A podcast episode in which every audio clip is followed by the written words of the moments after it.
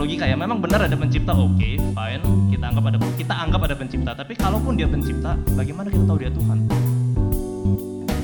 Tapi bagaimana dengan agama? Bukankah agama itu hanya bentukan?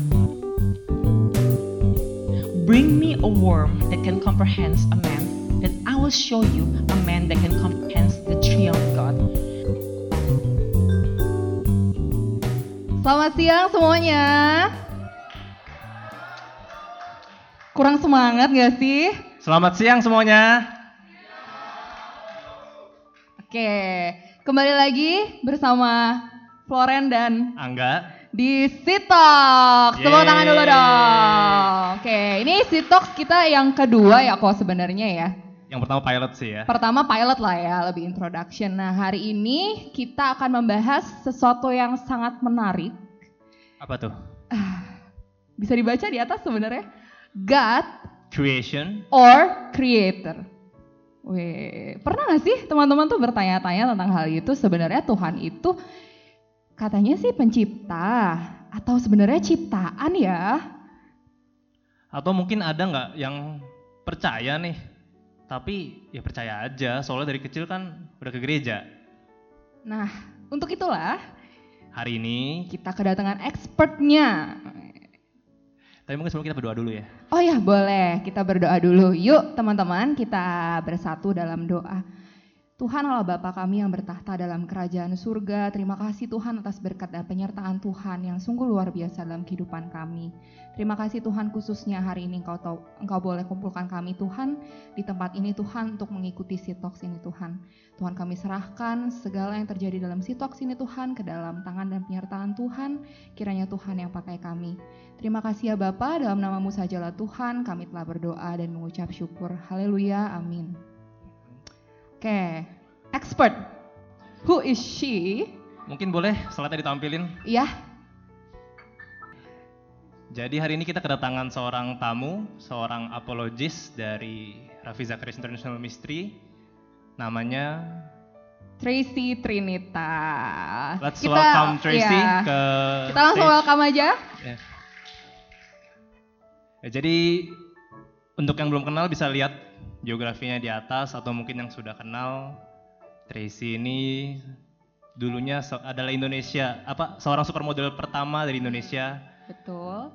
Ya, dia pernah jadi model-model di merek-merek perancang top seperti Saint Laurent, Gaultier, Kenzo. Nah, cuman sekarang dia sudah menjadi seorang apologetics, apologist. Kalau ada yang ragu, masa sih pernah jadi model itu sekitar 20 kg lebih kurus dari sekarang? Em, sebentar lagi kita akan masuk dalam sesi di mana saya akan membicarakan selama 30 menit kurang lebih Oke. tentang topik eh, apakah Tuhan itu ada, siapa Tuhan dan sebagainya dan semoga itu bisa menjadi trigger question untuk kita akan memiliki Q&A selama 45 menit atau 40 menit kurang lebih? Oh, ya 30. more or less lah. 30 ya. Mm-mm. Tolong persiapkan pertanyaan gampang-gampang ya. Kalau saya boleh jujur ya, eh, kan waktu waktu saya saya bertumbuh bukan keluarga Kristen, orang tua saya itu nggak percaya adanya Tuhan, tapi dalam diman dari sisi di mana mereka sebenarnya nggak mikirin aja gitu, bukan karena oh kami udah mikirin terlalu banyak sampai kami memutuskan untuk nggak ada Tuhan gitu, nggak.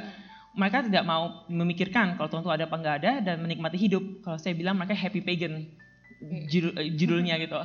Eh, dan eh, jadi saya bertumbuh di keluarga yang nggak pernah berdoa, yang nggak pernah ngomongin Tuhan, yang nggak pernah ke rumah ibadah untuk untuk mem- memuji Tuhan gitu. Sampai di usia remaja di mana saya mengalami kehampaan dan saya mencoba untuk mencari apa yang bisa mengisi kekosongan hati saya dan dari semua apa yang dunia tawarkan yang ternyata yang saya rasakan saya perlu mengenal yaitu Tuhan yang saya pikir mungkin kalau saya mengenal sang pencipta saya saya pun juga bisa mengetahui kenapa dia menciptakan saya. Alasannya apa? Tujuannya apa? Dan dari perjalanan tersebut membawa saya mengenal semua agama mempelajari semua agama. Enggak semua sih tujuh. Agama yang tertarik yang menarik untuk saya. Udah gitu setelah itu baru saya mulai spesifik apa yang menurut saya ini make sense secara logika, secara perasaan, secara keseluruhan. Dan akhirnya itu yang saya dalami dan akhirnya Tuhan yang menemukan saya yang terhilang dan saya menerima Tuhan Yesus sebagai juru selamat. Saya nggak pernah berpikir loh bisa berada di sini di depan saudara semuanya. Kalau boleh jujur nih, saya tahun lalu sepupu saya bilang ini, Kak Tracy, kan dulu kan gagap, kok sekarang bisa ngomong? Dan itu benar. Saya dulu gagap, nggak bisa ngomong. Orang bilang, lo kan model, tenang bos, model cuma pose, nggak perlu ngomong. Jadi nggak perlu ngomong, jadi orang nggak tahu tuh gagap atau enggak. Jadi kan yang penting bisa foto dan bisa jalan di runway gitu. Tapi Tuhan yang menemukan saya terhilang, Tuhan juga yang begitu ajaib. Nggak cuma menemukan, memberikan makna hidup, tujuan hidup, uh, dan penyertaan Tuhan dalam sepanjang perjalanan hidup saya, tapi juga merestorasi kerusakan yang terjadi akibat mungkin bagian dari dosa dan sebagainya gitu. Dan yang terpenting lagi, keajaiban Tuhan membawa saya sampai bisa kuliah teologi selama tiga tahun di Inggris di Oxford. Dan saya belajar apologetika, yaitu uh, perkara membela kekristenan, gitu mempelajari secara logika tentang uh, arti makna kekristenan dan juga pertanyaan-pertanyaan sulit mencoba untuk bisa menjawab pertanyaan sulit. Nggak semua pertanyaan sulit tapi uh, beberapa yang kita pelajari gitu. Habis itu tahun kedua ketiga baru sekolah teologi ya untuk pelayanan teologi dan ministry untuk pelayanan. Jadi singkat cerita empat uh, tahun di pelayanan di gereja enam tahun pelayanan sebagai penginjil dan hari ini saya nggak tahu kalau you know both of you nervous atau enggak saya sih nervous. Kenapa? Karena kan setiap pembicara tuh punya uh, field of expertise Nah, saya kebetulan ada empat kan ada ada empat pilar di tempat di mana saya bekerja namanya Ravi Zacharias International Ministry yang punya yang punya adalah Ravi Zacharias. Um, ada sekitar 90 pembicara di seluruh dunia. Saya satu satu, satu udah itu gagapnya, itu contohnya. Masih ada sedikit. Nanti restorasi sempurna di surga. Um, um, saya um, punya kan ada empat pilar di yayasan kita yang di mana kita harus menjadi pengaruh besar untuk bisa menginjil di empat pilar tersebut dalam dunia politik, uh, bisnis, uh, politik dan uh, bisnis, uh, pendidikan, terus dan juga sorry uh, politik, bisnis, pendidikan dan dunia entertainment. Ini empat dunia yang yang mempengaruhi cara kita berpikir, bertindak dan sebagainya gitu. Jadi kita mempengaruhi mereka untuk mereka bisa punya pengaruh dalam Kristus.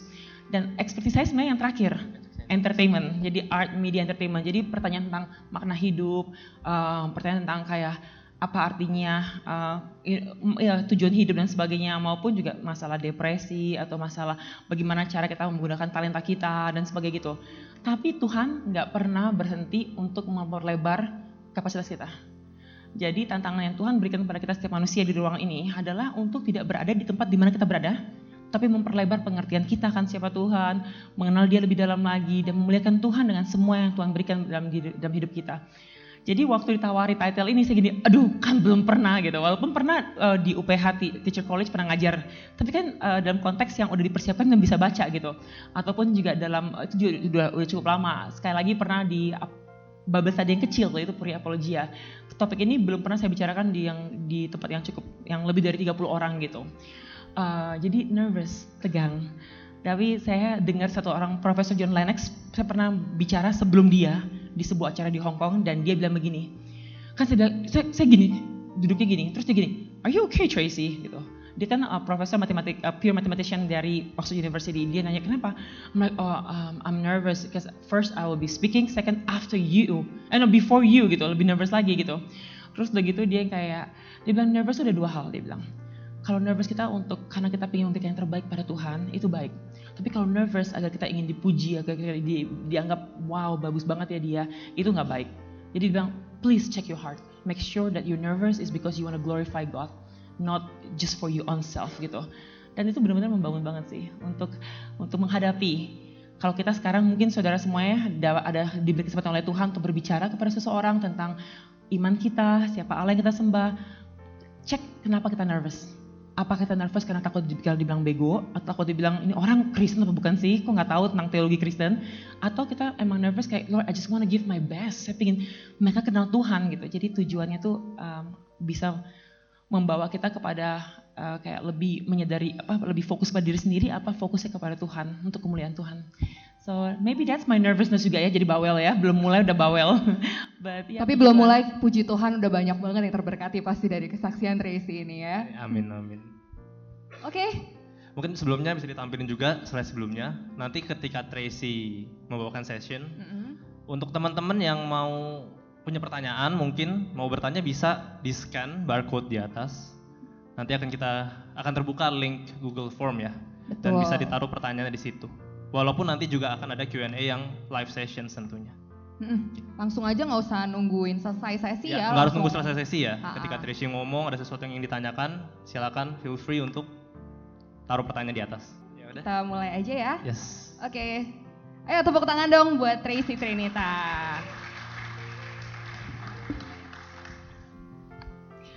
Um, topiknya sangat menarik ya. Tadi saya bilang bahwa God's delusions. Apakah Tuhan itu pencipta atau diciptakan oleh manusia yang berharap ada otoritas tertinggi dalam hidup mereka?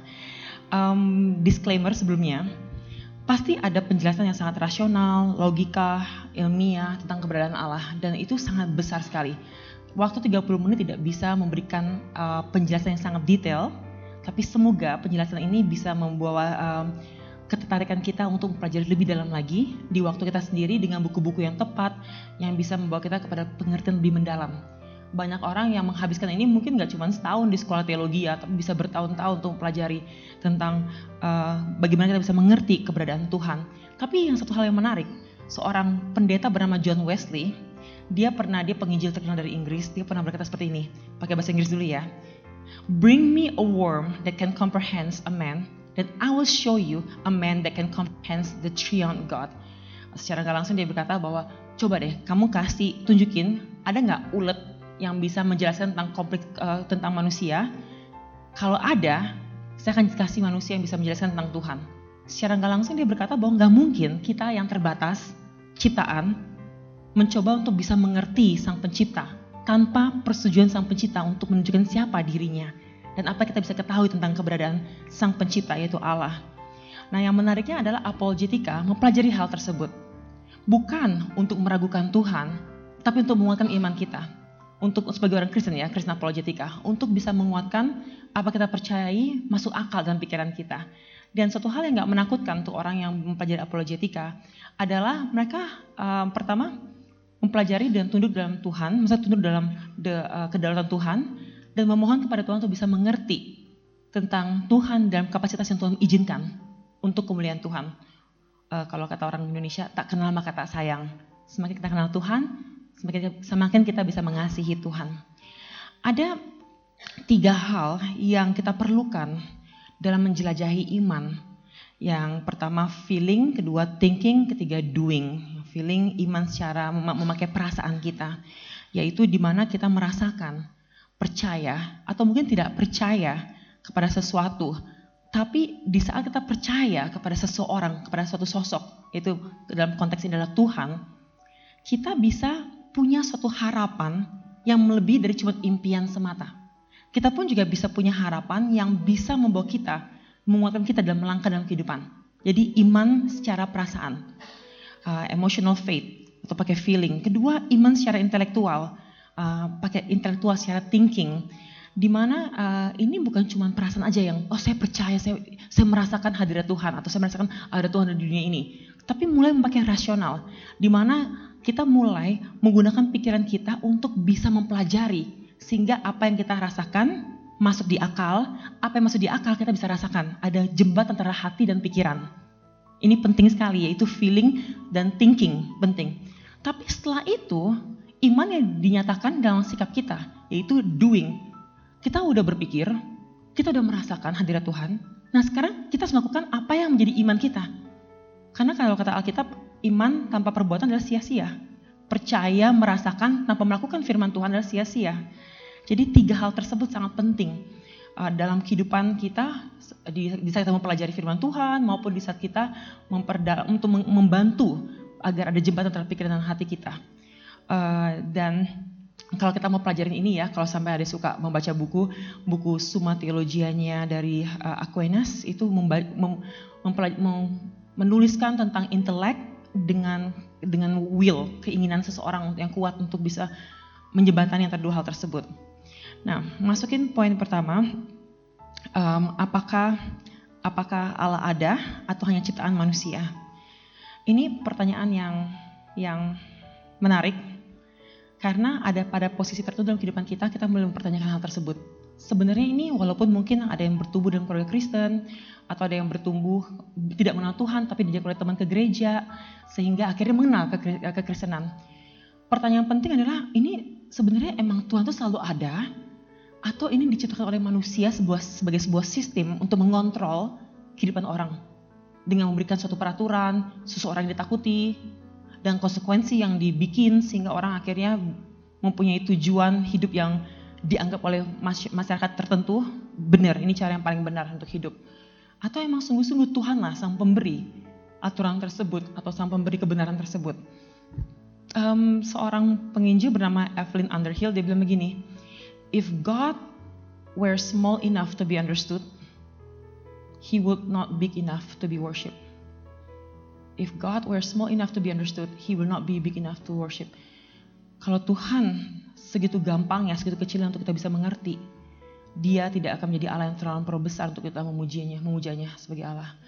Dan it is true, ini is, so hard untuk bisa mengerti secara dalam, tapi saya berharap uh, Tuhan sendiri yang berbicara dan ini mungkin introduction level yang kita semua ya. Semua berasal dari sesuatu di dalam dunia ini. Nggak ada tiba-tiba ada tanpa ada yang bikin. Kayak contohnya aja kalau kita suka makan gitu ya tiba-tiba ada aroma kue dari dapur. Nggak mungkin ada sebuah peri kue yang ting ada kue brownies gitu. Padahal pasti ada kalau nggak mama, si mbak, kalau nggak si cici dan sebagainya yang bikin. Atau ada yang beli gitu. Pasti ada yang menyebabkan hal tersebut ada. Jadi semua berasal dari sesuatu dan dan sesuatu itu pasti ada penciptanya, ada yang menghadirkannya. Allah tidak termasuk dalam kategori sesuatu yang diciptakan atau yang memiliki asal usul. Allah tidak termasuk dalam kategori sesuatu yang diciptakan dan memiliki asal usul. Allah tidak memiliki penyebab dan dan tidak diciptakan. Allah itu ada, selalu ada. Nah ini sebuah statement yang yang bukan saya punya pemikiran, ini pemikiran dari banyak sekali theologian berabad-abad lamanya, nabi-nabi dan banyak orang-orang yang berpikir kritis tentang iman mereka, mereka menemukan hal tersebut. Bahwa Allah tidak memiliki penyebab. There is no cause. Nggak ada penyebab. Kita semua ada penyebabnya. Kita semua terjadi karena ada suatu kejadian. Allah sendiri yang terjadi tanpa adanya kejadian. Sesuatu yang selalu ada itulah yang kita sebut adalah Allah. Dia selalu ada sepanjang masa, sepanjang sebelum waktu, tempat, dan sebagainya diciptakan, dia selalu ada. Dan dari seorang teologian dari abad 18 bernama uh, Jordan Edward, dia pernah menyimpulkan dengan simple, dia bilang begini, situasi ini terjadi, dia bilang sesuatu, sesuatu itu ada, dia bilang. Tidak ada, itu tidak dapat menciptakan sesuatu. Jadi sesuatu itu pasti ada, tapi tidak ada, tidak bisa, tidak dapat menciptakan sesuatu dari from nothing cannot create something. Terus dia juga bilang sehingga sesuatu yang kekal itu harusnya ada.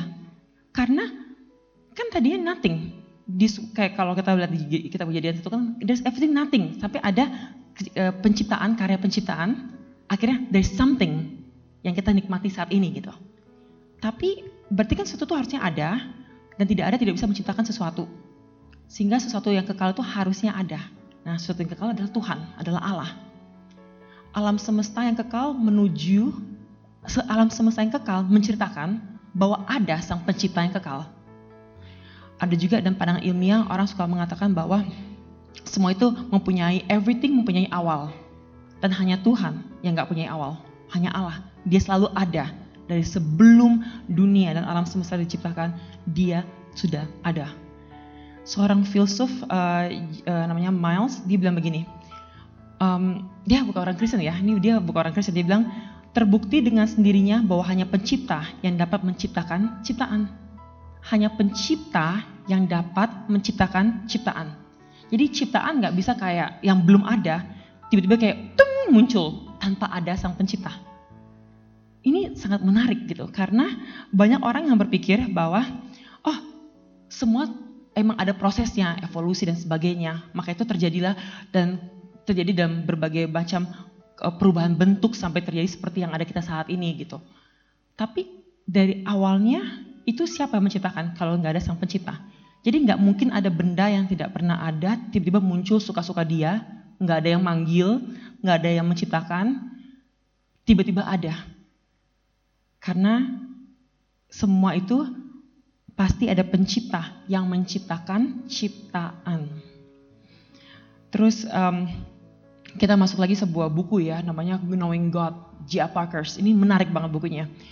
Dia itu bukunya tuh sangat sangat tebel, tapi ada rangkuman dalam buku tersebut yang yang merangkum tentang kebenaran tentang Allah. Lima poin kebenaran tentang Allah.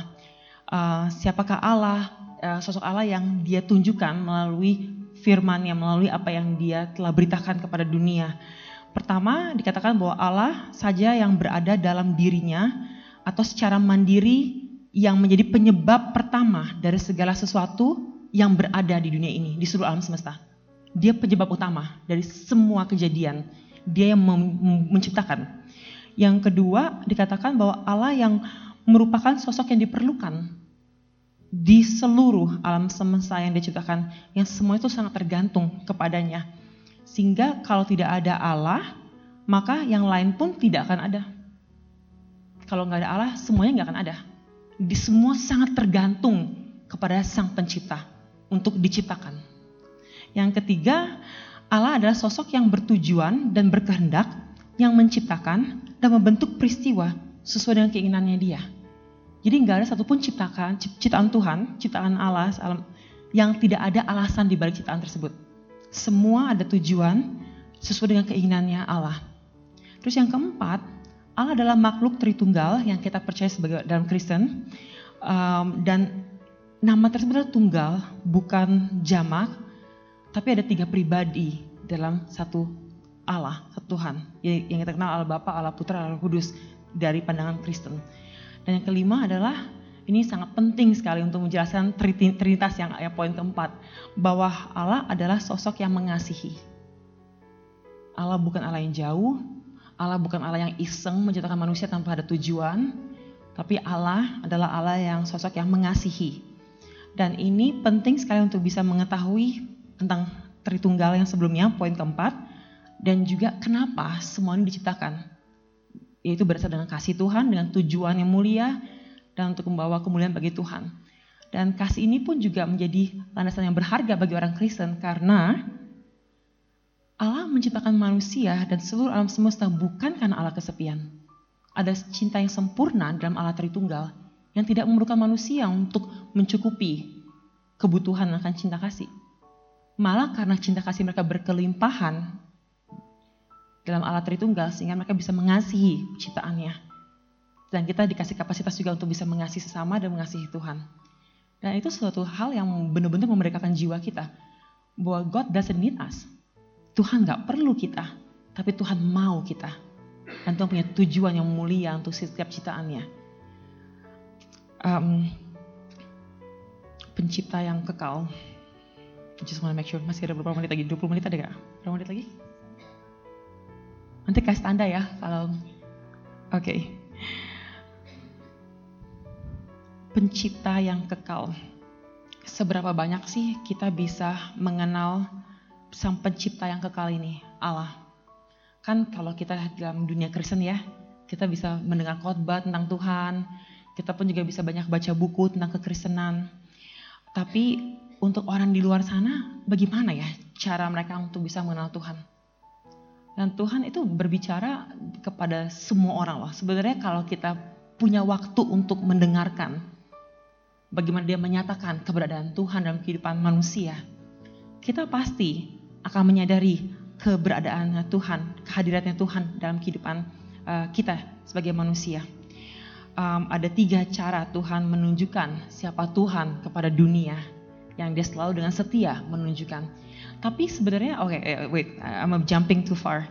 Tapi contoh gini, pertama adalah kalau bahasanya ini adalah, um, aduh kok bahasa Indonesia saya lupa ya, general revelation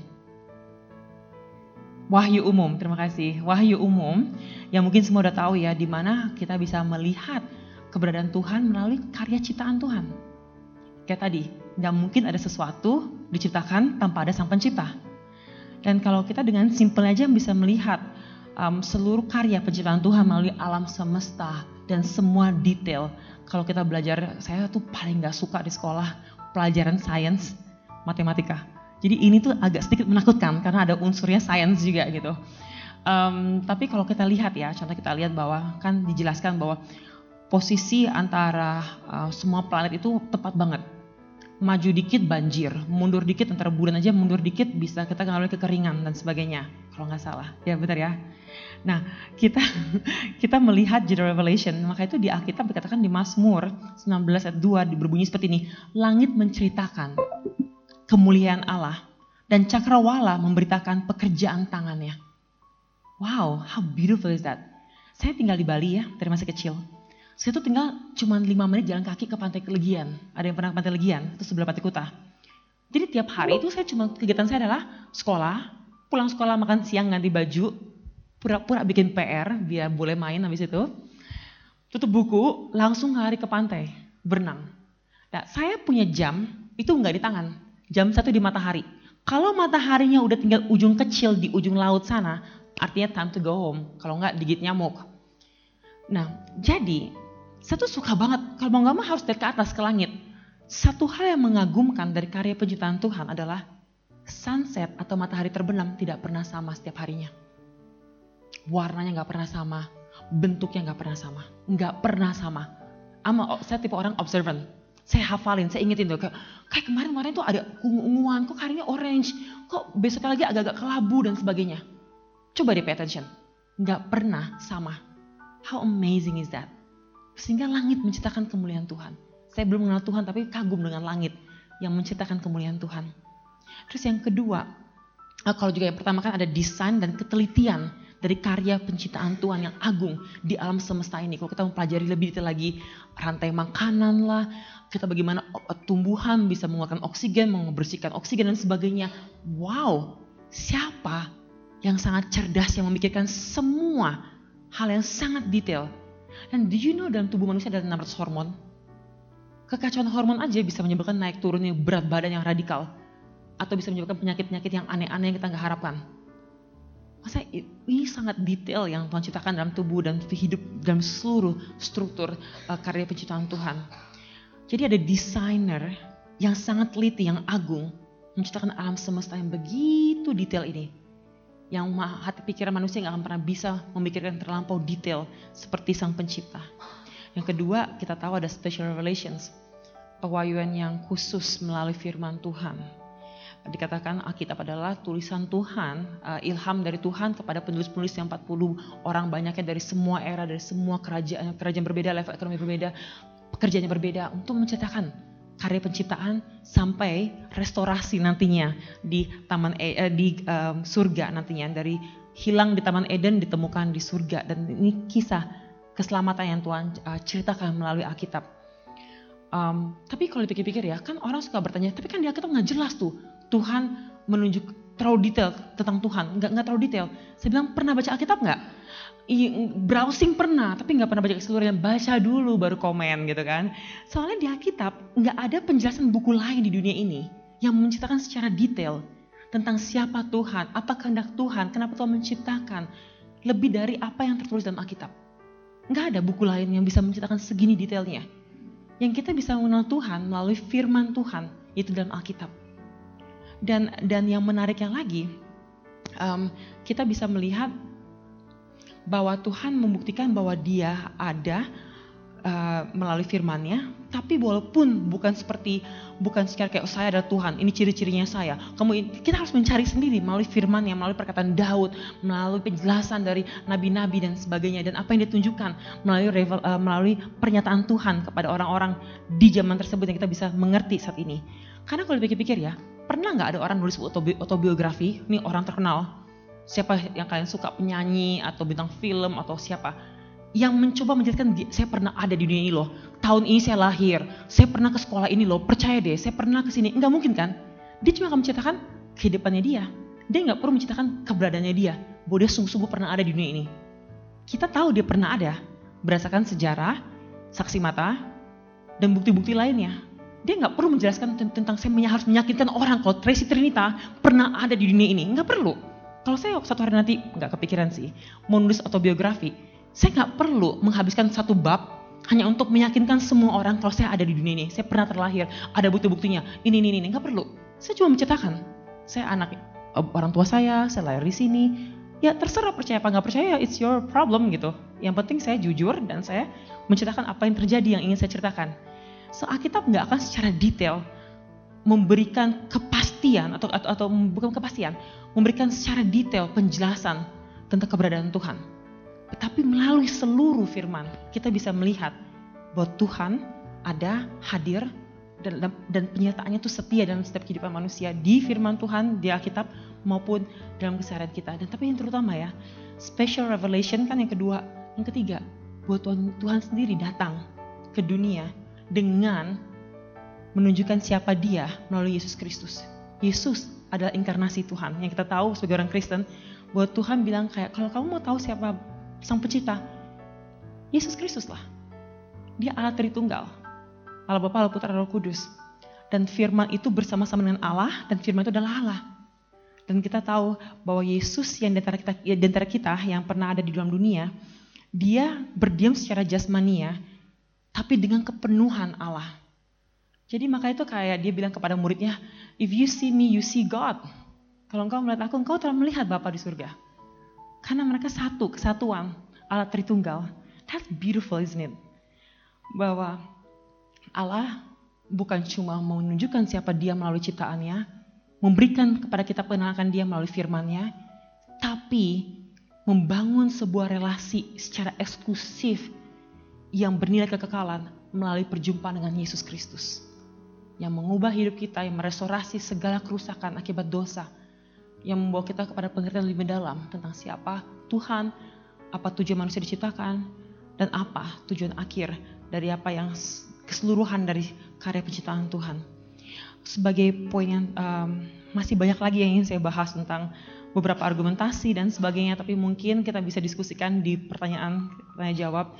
Tapi um, yang menarik lagi ya dari apa yang ingin saya coba untuk sampaikan bahwa saya pernah um, mendiskusikan ini dengan seseorang. Saya bilang kalau dipersimpel gimana sih caranya mau ngerti bahwa dunia ini tuh masa kayak kenapa banyak sekali kepercayaan dunia ini. Makanya apakah mereka percaya pada Allah yang sama dan sebagainya.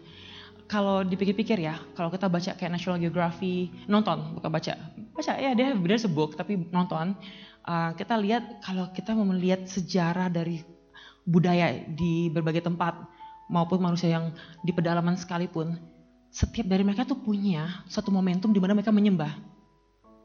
Mereka menyembah apa yang mereka percayai sebagai Sang Maha Kuasa bisa dalam bentuk animisme, yaitu menyembah batu atau menyembah apa yang mereka anggap itu berkuasa atau bisa menjadi perantara kepada yang sang yang kuasa.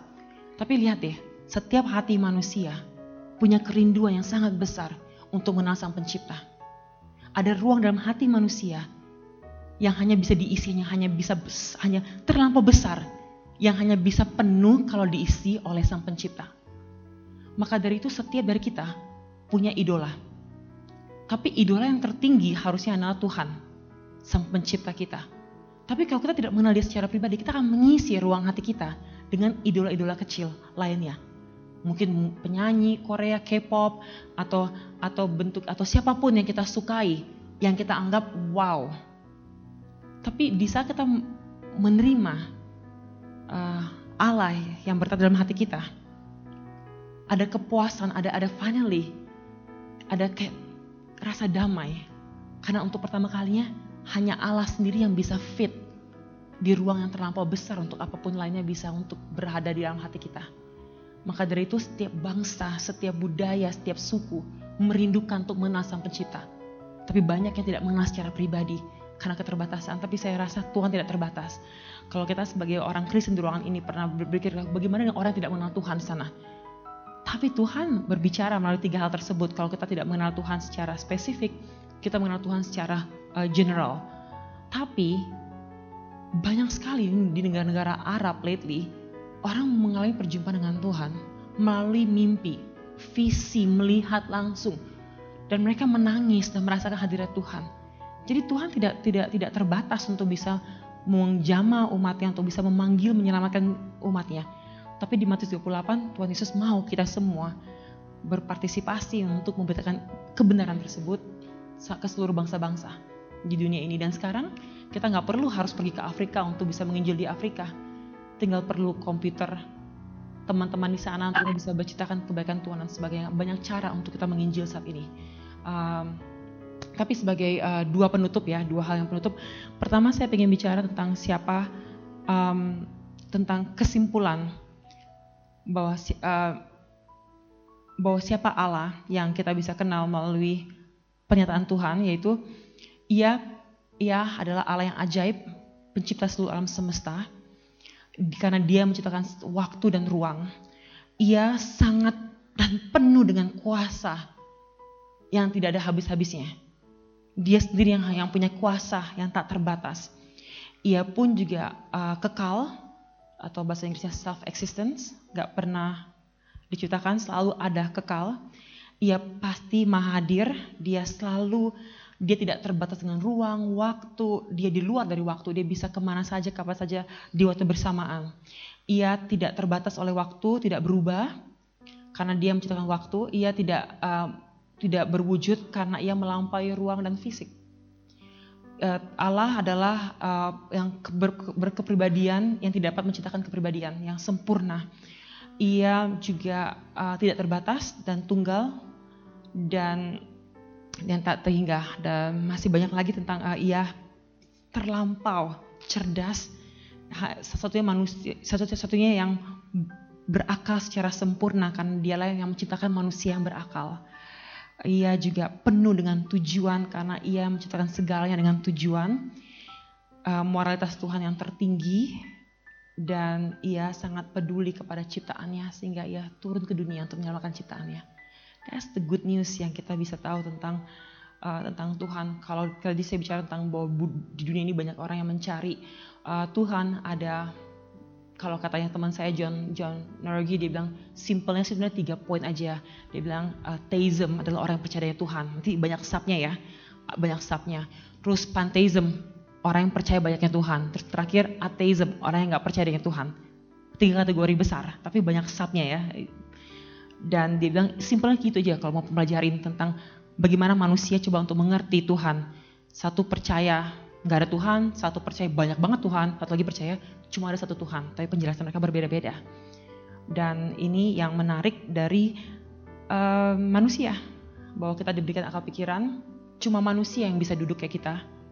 Di hari Minggu yang enak ini, yang sepi Jakarta, yang sepi BSD dan sebagainya, kan orang belum pulang kayaknya ya, mungkin besok baru mulai rame. Tapi kita memilih untuk duduk di sini. Agar kita bisa mengenal Allah lebih dalam lagi dan bisa mengerti dan bisa hidup dengan caranya. Uh, dan bisa membantu orang lain untuk bisa menjelaskan tentang siapa dia. Manusia satu-satunya yang duduk manis untuk berbicara dan bercoba untuk berpikir kritis tentang siapa Tuhan. Gak ada monyet berkata, what does it mean to be monkey? Gak ada anjing berkata, woof, woof, woof, woof, what does it mean to be a dog? Kita be the only one. Kenapa kita manusia? Siapa menciptakan kita? Apa tujuan hidup kita? And that is beautiful. Karena kita diciptakan dengan citra Allah, sehingga kita bisa mencoba untuk uh, ber, uh, mencari suatu hal yang, mas, yang masuk logika penjelasan dengan apa yang kita lihat di dunia ini, mencoba untuk uh, menjembatani antara pikiran dan perasaan, dan juga bisa nantinya melakukan apa yang menjadi panggilan dari uh, Tuhan untuk setiap kita. Di saat kita menyadari bahwa kita adalah ciptaan Tuhan. Um, a short one, apa implikasi sih sebenarnya kalau Tuhan itu ada atau nggak ada secara singkat ya. Kalau Tuhan itu ada, artinya kita punya tujuan hidup. Kalau dia menciptakan, dia juga yang memberikan tujuan kenapa kita diciptakan. Yaitu kalau bahasa ininya to glorify God and to enjoy Him forever. Itulah tujuan kita diciptakan oleh Tuhan. Tapi kalau nggak ada Tuhan, kita nggak ada reason, nggak ada alasan untuk kita diciptakan. Maka itu um, kalau orang ateis berpikir bahwa kita adalah accident by product of nature and result of matter plus time plus chance. Kita terjadi karena ah cuma kebetulan saja. Molekul tertentu terjadi, ya terjadilah kita tanpa ada alasan, tanpa ada penyebab. Ada karena walaupun tidak ada dari tidak ada, which is aneh banget sebenarnya kalau dipikir-pikir. Um, dan gak ada alasan untuk kita diciptakan. Cuma tujuannya adalah mati, habis itu gone, gak ada lagi. Terus kalau Tuhan itu ada, artinya kematian itu nggak terakhir loh. Kematian itu bukan ending dari hidup kita karena Tuhan telah menyediakan keabadian untuk setiap orang yang percaya. Tapi kalau nggak ada Tuhan dalam hidup kita, kita ya kematian adalah terakhir, udah nggak ada lagi. Setelah kematian kita gone, kita nggak ada lagi, nggak ada lagi, that's it. Maka itu seorang uh, pen, uh, seorang pernah teologi pernah bilang kalau kita nggak percaya adanya ada keabadian, nggak ada bedanya hidup cuma berapa jam, selama berapa tahun nggak ada bedanya. Lah mati juga mati kan gone, nggak ada nggak ada bedanya. Semua makna hidup pun nggak ada nggak akan kebawa kok setelah itu kita hilang gitu. Terus juga kalau Tuhan itu ada, artinya bahwa Tuhan menyatakan keabadian untuk kita nikmati. Tapi kalau nggak ada, ya kita akhirnya mulai hidup dengan sia-sia. Tapi hidup kita pun juga mulai eh, sia-sia dari saat kita hidup, bukan cuma sia-sia nantinya kalau udah akhirnya mati dan gone. Kita nggak ada takut-takutnya, nggak ada bedanya antara Mother Teresa sama Stanley. Nggak ada bedanya orang jahat orang baik. Kalau nggak ada moralitas, kalau nggak ada Tuhan, kalau kita nggak ada nggak ada yang kita takuti atau nggak ada yang kita tahu bahwa ada ada yang akan menghakimi kita orang benar dan orang yang nggak benar, nggak akan nggak akan membawa kita perubahan dalam kita punya sikap hidup karena nggak ada kita nggak ada nggak ada pengaruh di luar sana yang membuat kita takut. Terus kalau Tuhan itu ada, berarti setiap kejadian hidup kita, setiap kejadian hidup kita, mau kita sakit hati, putus cinta, atau lagi suka cita dan sebagainya, ada tujuan. Karena Tuhanlah yang akan menciptakan ini semua pada akhirnya, merangkum semua kisah hidup kita. Uh, bahwa setiap apa yang terjadi di kehidupan kita ada tujuannya. Tapi kalau nggak ada Tuhan, hmm, nggak hmm, ada tujuannya, nothing. Semua terjadi karena ya udah nasib, ya udah emang emang kayak gitu keadaannya dan nggak usah dipikirin lagi. Next, thank you next, you know, that's it. Dan ini menarik sekali. Kalau ada Tuhan, berarti kita harus punya standar baik dan tidak baik yang Tuhan berikan melalui firman-Nya yang diajarkan. Tapi kalau nggak ada Tuhan, berarti nggak ada objektif standar, nggak ada standar yang yang baik atau yang buruk. Ya suka-suka kita. Kita lah yang akan meng, ini kayak post truth ya, di mana kita suka-suka kita deh apa kita anggap baik itu baik, yang kita itu nggak baik, nggak baik. Terserah orang lain punya pendapat berbeda, itu urusan mereka. Tapi kan secara nggak langsung ini bertentangan dengan hidup kita di dunia. Yang punya peraturan lampu merah harus berhenti, lampu hijau boleh jalan. Kalau semuanya suka-suka kita, tabrakan. Dan yang terakhir, um, kalau Tuhan tidak ada, kalau kita nggak punya tujuan hidup, kita nggak punya nilai hidup, kita nggak punya, nggak mengerti kenapa kita diciptakan sia-sia semua yang kita lakukan di dunia ini. Tapi dalam Tuhan gak ada kesia-siaan. Tuhan bukan cuma Tuhan yang mengasihi kita, tapi Tuhan juga yang merestorasi kita melalui pertobatan, melalui pengenalan Tuhan Yesus Kristus, dan Tuhan yang sama juga memberikan makna hidup, memberikan pengertian, dan yang terutama, perjalanan hidup kita sebenarnya membawa kita mengenal Sang Pencipta. Can you imagine? Saya pernah bekerja sebagai model saya jalan di Paris Fashion Week. Mungkin saya di Indonesia pertama yang pernah jalan di Paris sama New York Fashion Week. Itu susahnya minta ampun. Dari seluruh dunia model-model berharap itu bisa jalan di Fashion Week.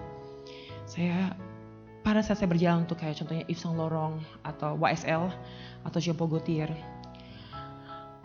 saya bertemu dengan desainernya. Saya deg-degan. Ini orang yang dipuja oleh banyak orang di dunia. Yang menciptakan pakaian berpuluh-puluh tahun yang memakai pakaian untuk semua selebriti dunia. Saya di hadapan dia. Dia ngobrol nanya saya, do you like the dress? Gimana rasanya? Are you nervous?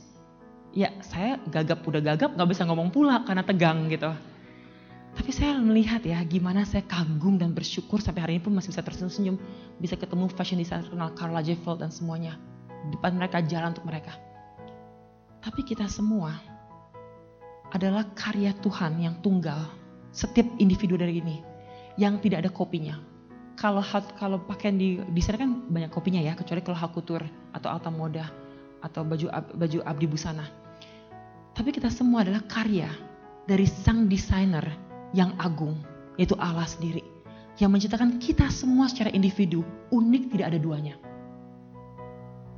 Agar kita bisa jalan di panggung dunia untuk memuliakan sang desainer yang agung. Kita karya Tuhan yang tidak duanya yang spesifik dengan tujuan untuk bawa kemuliaan bagi sang pencipta, sang desainer dunia alam semesta.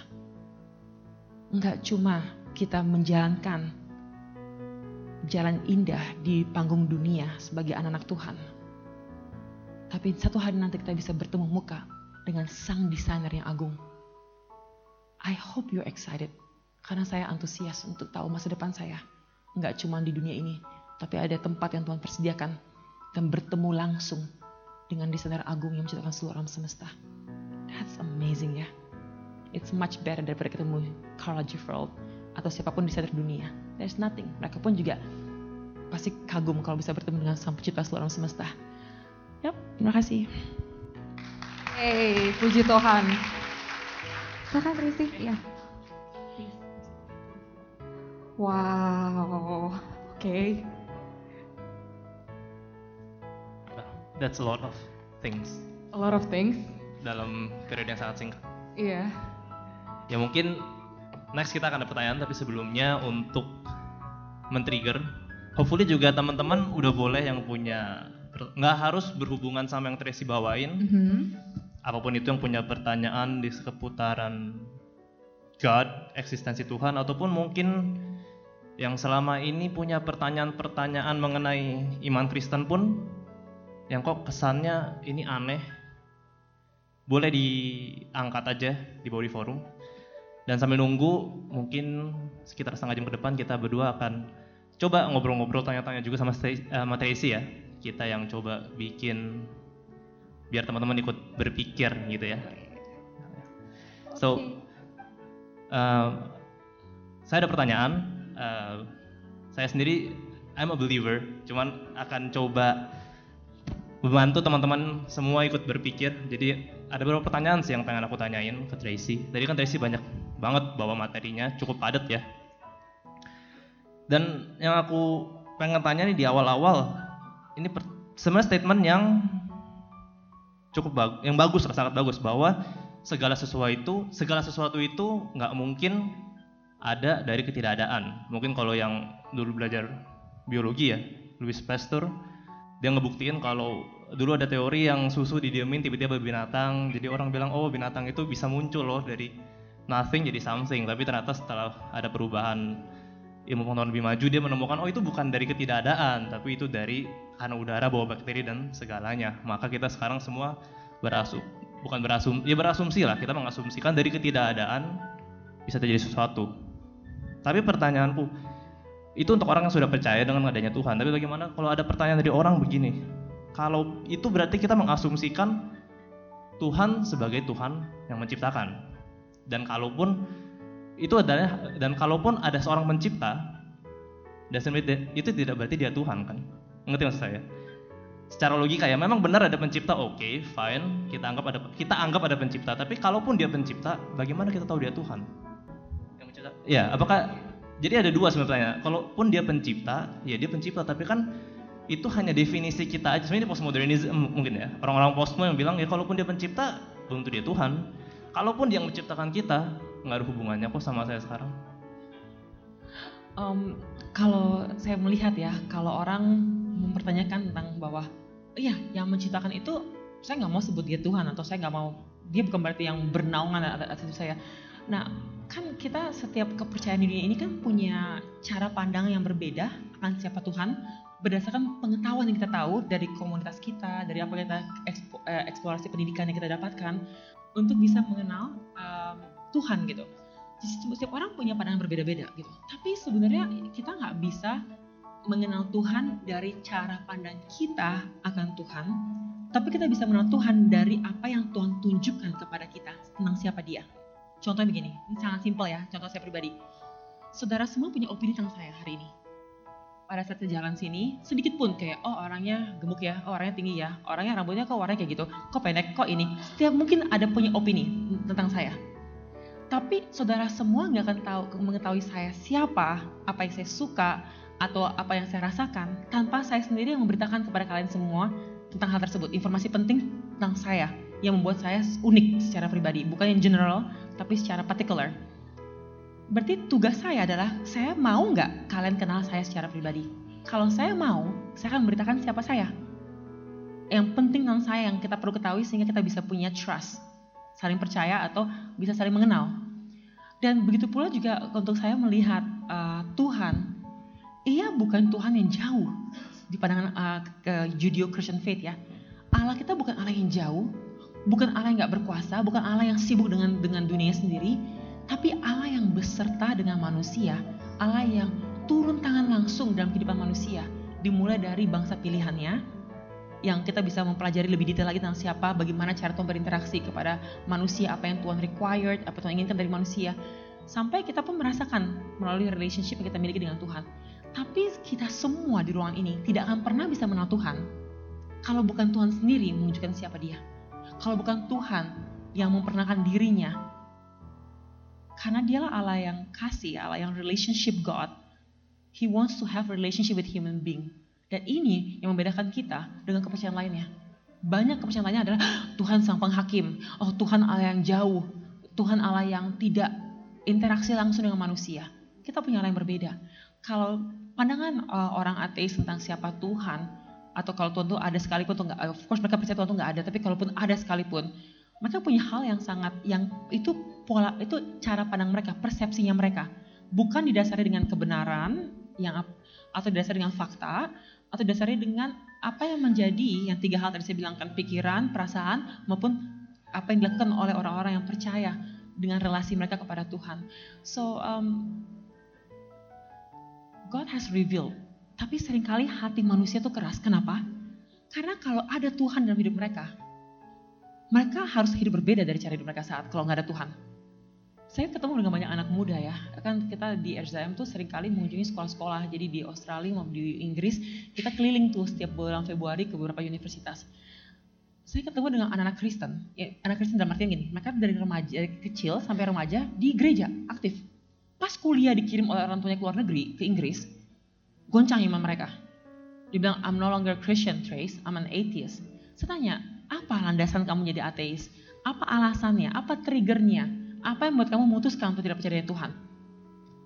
Mereka kasih alasan logika awal-awalnya. Terus tiba-tiba pas saya sudah memberikan pertanyaan demi pertanyaan demi pertanyaan untuk mengetahui apa sih dasar dari semuanya ini. Pada akhirnya gaya hidup, lifestyle, kalau nggak ada Tuhan, saya boleh ngapa-ngapain, nggak takut dengan konsekuensi dosa. Nggak takut dengan konsekuensi bahwa mata Tuhan melihat apa kita perbuat dan merasa bersalah dan sebagainya. Tapi kalau nggak ada Tuhan, saya bisa, bisa, bisa bikin apa saja tanpa takut akan konsekuensi tersebut. Sehingga pada akhirnya lifestyle mereka yang mereka sangat sukai memutuskan untuk mereka nggak percaya dengan Tuhan. Jadi sering kali orang berpikir bahwa Tuhan punya uh, the evidence atau evidence bukti. Bukti itu nggak jelas, nggak banyak kita sendiri yang memilih untuk nggak mengenal apa yang Tuhan coba untuk tunjukkan kepada kita melalui pengenalan akan Dia. Jadi it's not the evidence yang nggak banyak. Kita memutuskan untuk nggak mau mengenal Tuhan yang mau mengenal kita, yang mau memperkenalkan siapa Dia kepada kita. Gue lagi flow ya. Gue lagi ya. Satu lagi. Uh, sebenarnya ini basically uh, I try to. Uh, saya coba untuk menanyakan ini kan beberapa argumen dasar argumen apa cosmological argument Tuhan penciptanya. Berikutnya coba pengen bertanya mengenai desain uh, bahwa memang banyak orang bilang nggak mungkin sesuatu itu ada tanpa tanpa tanpa ada desainer karena begitu kompleks, begitu presisi ciptaan yang ada sekarang ini. Oke itu uh, adalah sebuah argumen yang memang kadang orang mikir oh ya make sense juga ya karena nggak mungkin tiba-tiba jam terbentuk begitu aja gitu kan. Uh, tapi itu juga ada hubungannya dengan bahwa kita masuk ke yang lebih praktikal bahwa Tuhan menciptakan setiap kita untuk sebuah tujuan, ada purpose in life. Uh, tapi kan untuk orang-orang di luar sana banyak banget yang mikir gini. Tapi kan saya orang yang bebas. I can do, uh, saya bisa lakukan apa aja yang saya mau, nggak ada konsekuensinya dan orang Kristen, orang beragama bilang kamu harus hidup begini, begini, begini, nanti ada reward di surga. Itu kalau surga ada. Sedangkan, oh, punishment. Ya, hmm. sedangkan ya ada orang yang nggak ya nggak peduli aja kayaknya Flo ya. Hmm. kayak yang penting gue hidup sekarang senang-senang nikmat dan ya gue hidup bebas gitu. Apalagi kalau misalnya orang Kristen bilang ya Tuhan sudah menentukan. Nah itu kan nggak mungkin nggak masuk akal orang. Apakah berarti sebagai orang Kristen ngomong ke orang orang ateis ngomongin apakah engkau berkata bahwa hidupmu itu diatur Tuhan? Sedangkan saya punya kebebasan. Apakah ini kebebasan? Cuma ilusi ke sana kan begitu. Um, ini pertanyaan bagus sekali ya, soalnya ini menjadi pertanyaan bagi banyak orang. Karena kalau di Eropa nih, saat ini, Eropa itu punya kepahitan sama kekristenan. Sejarah dari masa reformasi sampai even sebelumnya. Sehingga sekarang banyak sekali gereja-gereja di Eropa kosong gitu. Padahal kan permulaannya dari dari um, setelah penyebaran kekristenan kan yang paling besar waktu itu di abad uh, kayak berapa ratus tahun kemudian kan di Eropa sampai abad 15 dari reformasi pun di Eropa dan kita pun juga cukup berterima kasih lah dengan missionary-missionary Eropa yang menyebar ke seluruh dunia untuk memberitakan firman Tuhan gitu. Tapi begitu banyak orang kepahitan dengan kekristenan. Tapi yang akibatnya mereka nggak mau mengenal Tuhan Sang Pencipta. Karena kepahitan dengan orang-orang yang mungkin mempresentasikan Tuhan dengan cara yang salah. Tuhan nggak pernah bilang bahwa ikut Tuhan tuh rewardsnya adalah heaven. Tapi relationship. Ada perbedaan antara heaven dan relationship. Saya nggak mau ke surga kalau nggak ada Tuhan Yesus. I want to go di mana ada Tuhan Yesus. Karena dia merubah hidup saya, dia merestorasi hidup saya. Jadi actually yang Tuhan tawarkan adalah bukan oh kalau kamu percaya kepada saya, kalau kamu ikutin semua peraturan-peraturan ini, kamu akan tinggal di surga dengan semua karena kebaikan kamu. Never. Maka itu yang kekristenan berbeda sekali. Pesannya daripada semua kepercayaan di luar sana adalah kita diselamatkan bukan perbuatan baik kita, karena perbuatan baik kita. Kita diselamatkan bukan karena ngumpulin poin yang banyak, sehingga kita punya rewards adalah heaven. Kita diselamatkan karena menerima dan percaya kalau yang punya surga undang kita, kita pun dengan dengan percaya kepadanya, berpegang teguh pada janjinya, dan setia pada apa yang Tuhan uh, harapkan dari setiap yang percaya, bukan karena untuk mendapatkan, tapi karena sudah mendapatkan, ucapan syukur adalah berbuat apa yang kita percaya melalui iman kita dalam Kristus. Jadi heaven itu uh, yang maka itu yang menyedihkan adalah kalau orang zaman dahulu kala menjual satu tem, menjual kayak kertas yang kalau kamu beli kertas ini ya, oma kamu bisa masuk surga atau kamu ini atau kamu kalau kamu pegang minyak ini kamu bisa sembuh kamu nggak pernah susah nggak pernah miskin nggak pernah ini. Hal-hal yang kayak gini yang bukan ajaran Kristus yang bikin orang jadi benci sama Allah tanpa mengetahui ajaran Allah yang sebenarnya. Imagine this ya kebayang nggak? Each of us di ruangan ini ya, pernah nggak ketemu sama orang dalam hidup kita yang kita baru kenal cuma sekali, mereka benci dengan kita. Pernah nggak? Saya pernah. Saya pernah ketemu sama orang, saya salaman, dia langsung buang muka. Teman saya bilang, Tris, sepanjang jalan dia ngomongin jelek-jeleknya kamu. Saya bilang, eh entar, tanya sama dia deh, pernah ketemu saya di mana? Enggak, tadi aja pertama kali. Loh, kok bisa punya asumsi semuanya? Dia nggak suka aja tampang lo, kata jutek. I'm like, ini emang kayak gini, nggak tahu kenapa. Ini hadiah dari Tuhan gitu, malah bagus nggak ada yang geritin gue kalau lagi jalan gitu. Tapi tapi dia just langsung asumsi dan gak suka. Tapi kan dia nggak mengenal saya secara pribadi. And that's, that is what happened dengan banyak orang. Kepahitan dengan sesuatu yang tidak didasari dengan penelitian, apakah apa asumsi saya di pikiran, kebencian saya di hati, masuk akal nggak dengan kenyataannya siapa sosok ini. Jadi sering kali orang marah pada Tuhan cuman karena apa orang lain omongin atau cuma karena asumsi yang tanpa mendasar gitu. Atau mungkin karena suatu kepahitan yang terjadi yang tidak dicerna dengan baik dan mencari orang yang tepat untuk mendiskusikannya. Um, itu yang terjadi dengan banyak orang yang akhirnya memilih untuk nggak mau percaya berdasarkan banyak apa yang terjadi dalam kehidupan mereka tanpa mengenal, tanpa mengerti, langsung berasumsi dan langsung pasang pagar. Tapi kalau orang melihat secara detail, bagaimana Tuhan nggak cuma Tuhan yang menciptakan, tapi Tuhan juga yang punya rancangan indah, yang menyelamatkan, yang berjalan bersama dengan kita dalam setiap kehidupan kita, yang menyertai kita sekalipun jatuh bangunnya kita, yang menyertai kita sampai tujuan akhir hidup kita, dan akan tiba dalam kemuliaannya sesuai dengan janjinya dia bahwa setiap engkau yang percaya kepada aku tidak akan binasa, melainkan peroleh hidup yang kekal. Ia jalan kebenaran dan hidup. Kalau kita mengenal sang pribadi yaitu Allah yang kita sembah dan Yesus Kristus, kita bisa membawa suatu kedamaian bahwa kita hidup ada, tangan ada Tuhan yang menjaga kita. Tidak ada yang terjadi buruk dalam hidup kita tanpa persetujuan Tuhan. Bukan Tuhan penyebabnya, tapi Tuhan menyetujuinya untuk mendatangkan kebaikan bagi setiap orang yang mengasihi Dia. Terus yang kedua, diselamatkan karena undangan Tuhan, bukan karena hebat gagah kita. Itu kelegaan loh. Karena kalau kalau saya harus menyelamatkan diri saya sendiri dengan kebaikan saya, nggak bisa, gagal, gagal total nggak akan bisa masuk surga. Tapi karena dia mengundang, saya percaya pada undangannya Tuhan. Dia kalau berkata iya dan amin, nggak akan pernah dia tarik kembali gitu. Yang ketiga, bahwa surga adalah finally untuk kita direstorasi secara sempurna dan bisa secara langsung mengenal Allah Bapa, Allah Putra, Allah Kudus dan memuji seumur se selama-lamanya. It's beautiful untuk orang yang telah Tuhan ubahkan. Tapi untuk orang dunia itu seperti penjara. Karena mereka nggak mengerti restorasi yang Tuhan izinkan, yang hatinya diubahkan, mereka nggak tahu tuh. Karena kalau kita dalam kegelapan, kita nggak nggak suka terang. Tapi saat terang itu ada hadir dalam hidup kita, kita mulai menyadari betapa kotornya kegelapan. Ada sebuah cerita singkat yang yang saya alamin. Saya kuliah di Oxford tahun pertama apologetika, tahun kedua ketiga teologi ya. Buku yang tahun pertama nggak terlalu diperlukan, saya taruh dalam kerdus di ruang bawah tanah. Tahun ketiga, Embassy Indonesia di London bilang, ada paket murah untuk murid Indonesia, kalau mau ngirim box-boxnya, ini pukul rata harganya cuma 2 juta, sebanyak-banyaknya kirim Indonesia, karena mereka beli kontainer besar. Tapi tiga bulan kemudian baru tiba, nggak apa-apa, saya punya banyak buku. Saya bilang sama teman saya, bantu saya dong, kita ke bawah ambil ambil buku gitu, karena ada beberapa kerdus. Akhirnya kita ambil, teman saya begini, Trace, suatu tuh saya kurus banget ya, jadi imagine udah kurus, jadi kan nggak akan nempel dinding lah.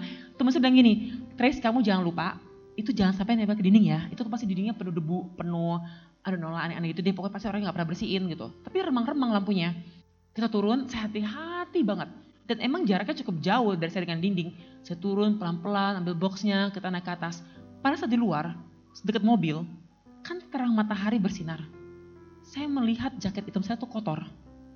Dan saya kaget dan saya coba kibas-kibas karena ada ada ada apa eh, laba-laba lah, sarang laba-laba lah, debu. Jadi jaket hitam jadi abu-abu semuanya. Terus saya baru menyadari bahwa dalam kegelapan ruang bawah tanah saya nggak menyadari saya kotor. Saya hati-hatinya minta ampun.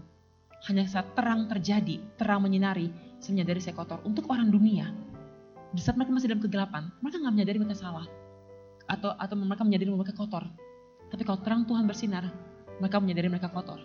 Maka dari itu kita semua yang udah Tuhan bersihkan melalui darah Yesus yang ajaib, sedikit kotor sekalipun kita akan gerah. Kita akan lebih sadar karena ada terang yang menyinari hidup kita. Maka itu orang yang menyadari dosanya, sebenarnya dia lebih dia dekat dengan Tuhan. Karena dia dekat dengan terang yang bisa menyadari bahwa kotor. Orang dunia nggak menyadari. Orang dunia menganggapan, beranggapan bahwa apa ajaran Tuhan Yesus adalah batas-batas yang membawa kita untuk tidak bisa hidup senang. Padahal norma-norma yang Tuhan berikan melalui firman-Nya, melalui peraturan-peraturan, semua itu membawakan membawa kebaikan bagi setiap orang yang percaya kepada Tuhan.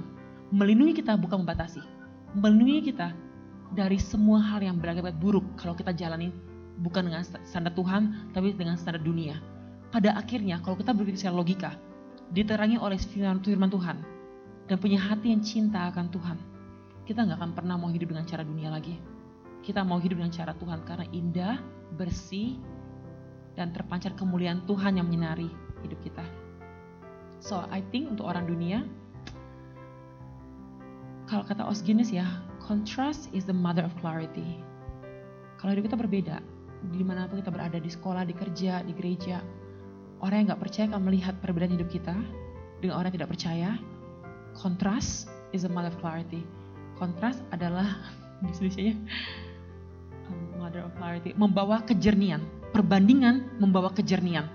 Perbedaan antara orang yang sungguh-sungguh dalam Tuhan sama enggak dalam Tuhan akan membawa kejernian bagi yang melihat kehidupan tersebut. Dan setiap orang yang hidup sungguh-sungguh dalam Tuhan is attractive. Menarik sekali untuk orang dunia. Ingin penasaran, mungkin dengan bertanya, jadi siap-siap. Orang dunia tanya, kok kamu bisa ya mengampuni? Kok kamu bisa ya bahagia terus? Kok kamu bisa ya hidupnya lurus, nggak aneh-aneh, nggak korupsi dan sebagainya? Kok bisa? Dan kita bisa memperkenalkan Allah pencipta seluruh semesta yang mengubah hidup kita. Dan pengenalan dia akan bawa kita kepada kedewasaan, bersikap, uh, berpikir, dan punya tujuan akhir yang yang membawa kita fokus dalam hidup ini. Thank you Tracy. Uh, Oke, okay. dari kesimpulan tadi yang Tracy bawakan, dari pertanyaan Angga juga berarti kita bisa simpulkan bahwa Tuhan itu ada, ya.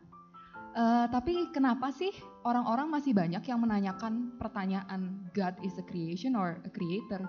Dan sebenarnya salahkah untuk bertanya seperti itu? Terutama dari kalangan kita yang mungkin dari kecil sudah tinggal di keluarga percaya.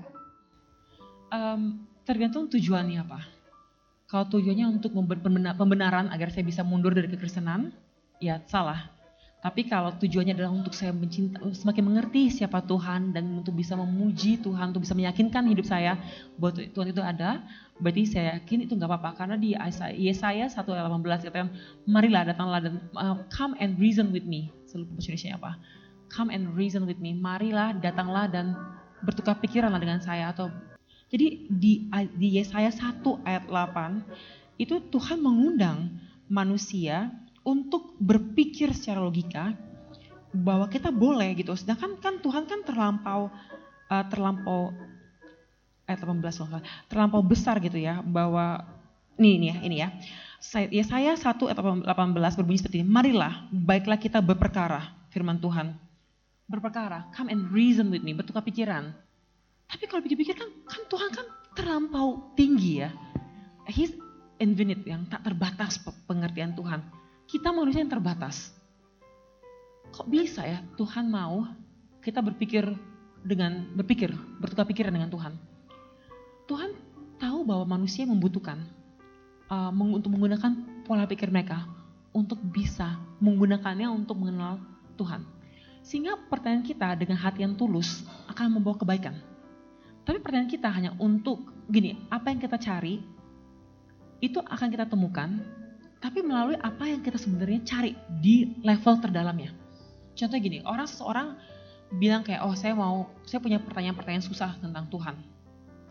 Tapi didasari adalah saya mencari konfirmasi bahwa saya mau jadi ateis. Jadi karena lensanya udah udah berbeda, dia hanya menemukan apa yang dia cari. Contoh gini nih, kalau kita lagi suka mobil Avanza warna merah, pingin banget, aduh pingin berdoa pingin punya Avanza warna merah. Atau Avanza yang, yang nggak lazim deh warna biru gitu, gitu, nggak lazim atau biru muda gitu. Kita lagi di jalan nih, sering ketemu Avanza warna biru, bener kan? Kita pikir kok, kok bisa ya? Padahal kan kemarin-kemarin nggak kelihatan tuh. Karena awareness kita adalah mencari spesifik dari apa yang kita inginkan.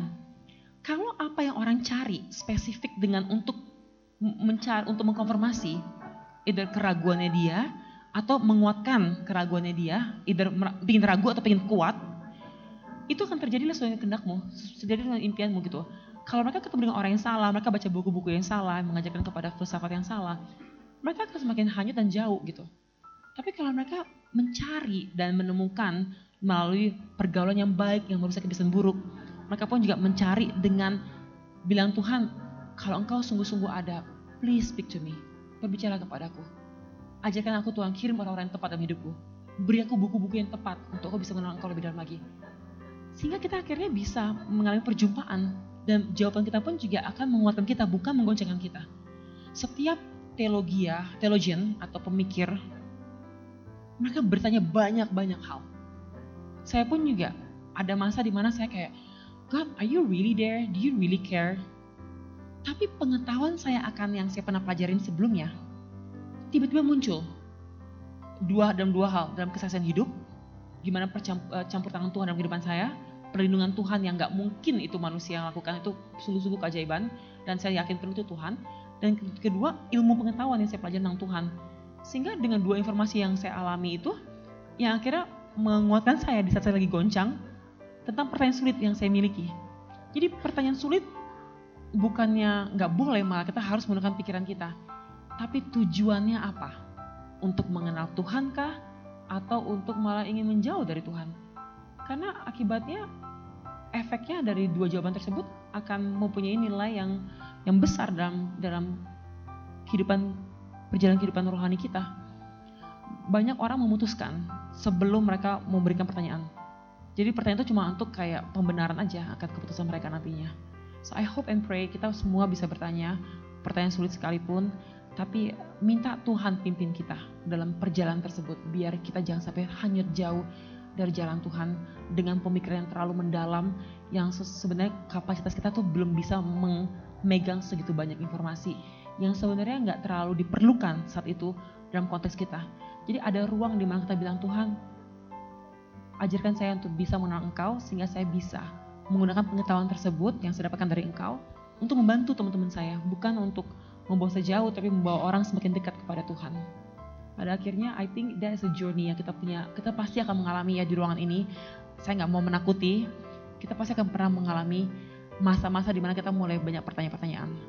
Ada keraguan sedikit, atau juga kita merasakan ketidakadaannya Tuhan dalam hidup kita. Kok nggak kerasa lagi ya? Kok waktu dulu pas lagi berdoa bisa nangis? Kok sekarang kayak kayak nggak merasakan Tuhan tuh ada gitu? Kita pasti akan mengalaminya. Tapi ingat perbuatan baik Tuhan di masa lalu. Ingat juga kebenaran firman Tuhan.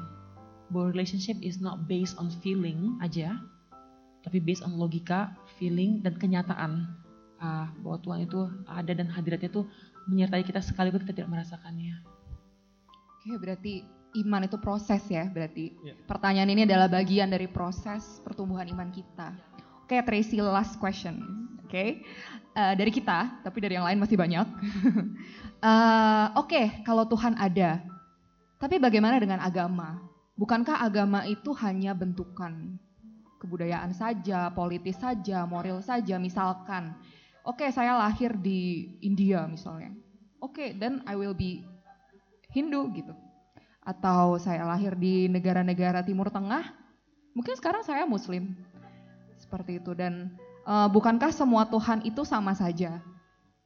Eh, panggilan-panggilan uh, terhadap Tuhan yang spesifik itu hanya supaya manusia bisa lebih mudah saja untuk memanggil mereka.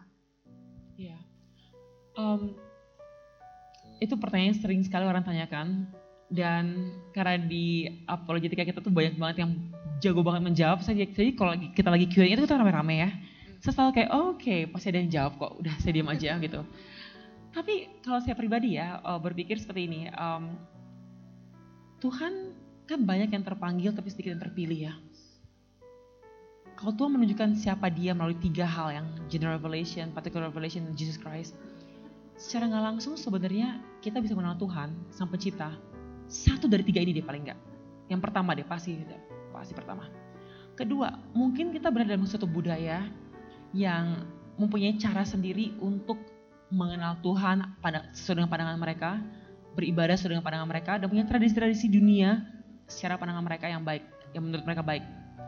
Tapi yang menariknya adalah dari semua suku dan budaya di seluruh dunia ada kesamaan, yaitu nggak boleh menyakiti orang lain, nggak boleh mencuri, nggak boleh membunuh, um, dan banyak lagi di, dikatakan golden rules gitu ya, yang yang do to others what you want them to do to you.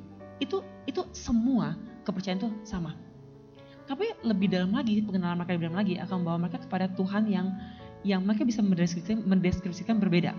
Makanya tadi kalau saya bilang kan ada tiga macam kalau kita mau mau bikin bikin ini theism atau yang percaya dari Tuhan, termasuk monotheism dan sebagainya ada ada pantheism yang percaya banyaknya Tuhan yang terakhir nggak percaya dari Tuhan nah semua ini punya style mereka punya mungkin kayak apa mereka percayai dan mereka punya budaya tertentu yang cara mereka mengapresiasikan uh, sesuatu uh, seperti kayak mungkin kayak kebudayaan cara doa dan sebagainya gitu menariknya lagi ya atheism sekarang tuh udah kayak gereja loh jadi di Inggris kalau kalian YouTube mereka tuh kumpul hari Minggu nyanyi, lagu sekuler nanti ada yang ngomong tentang motivasi bedanya apa?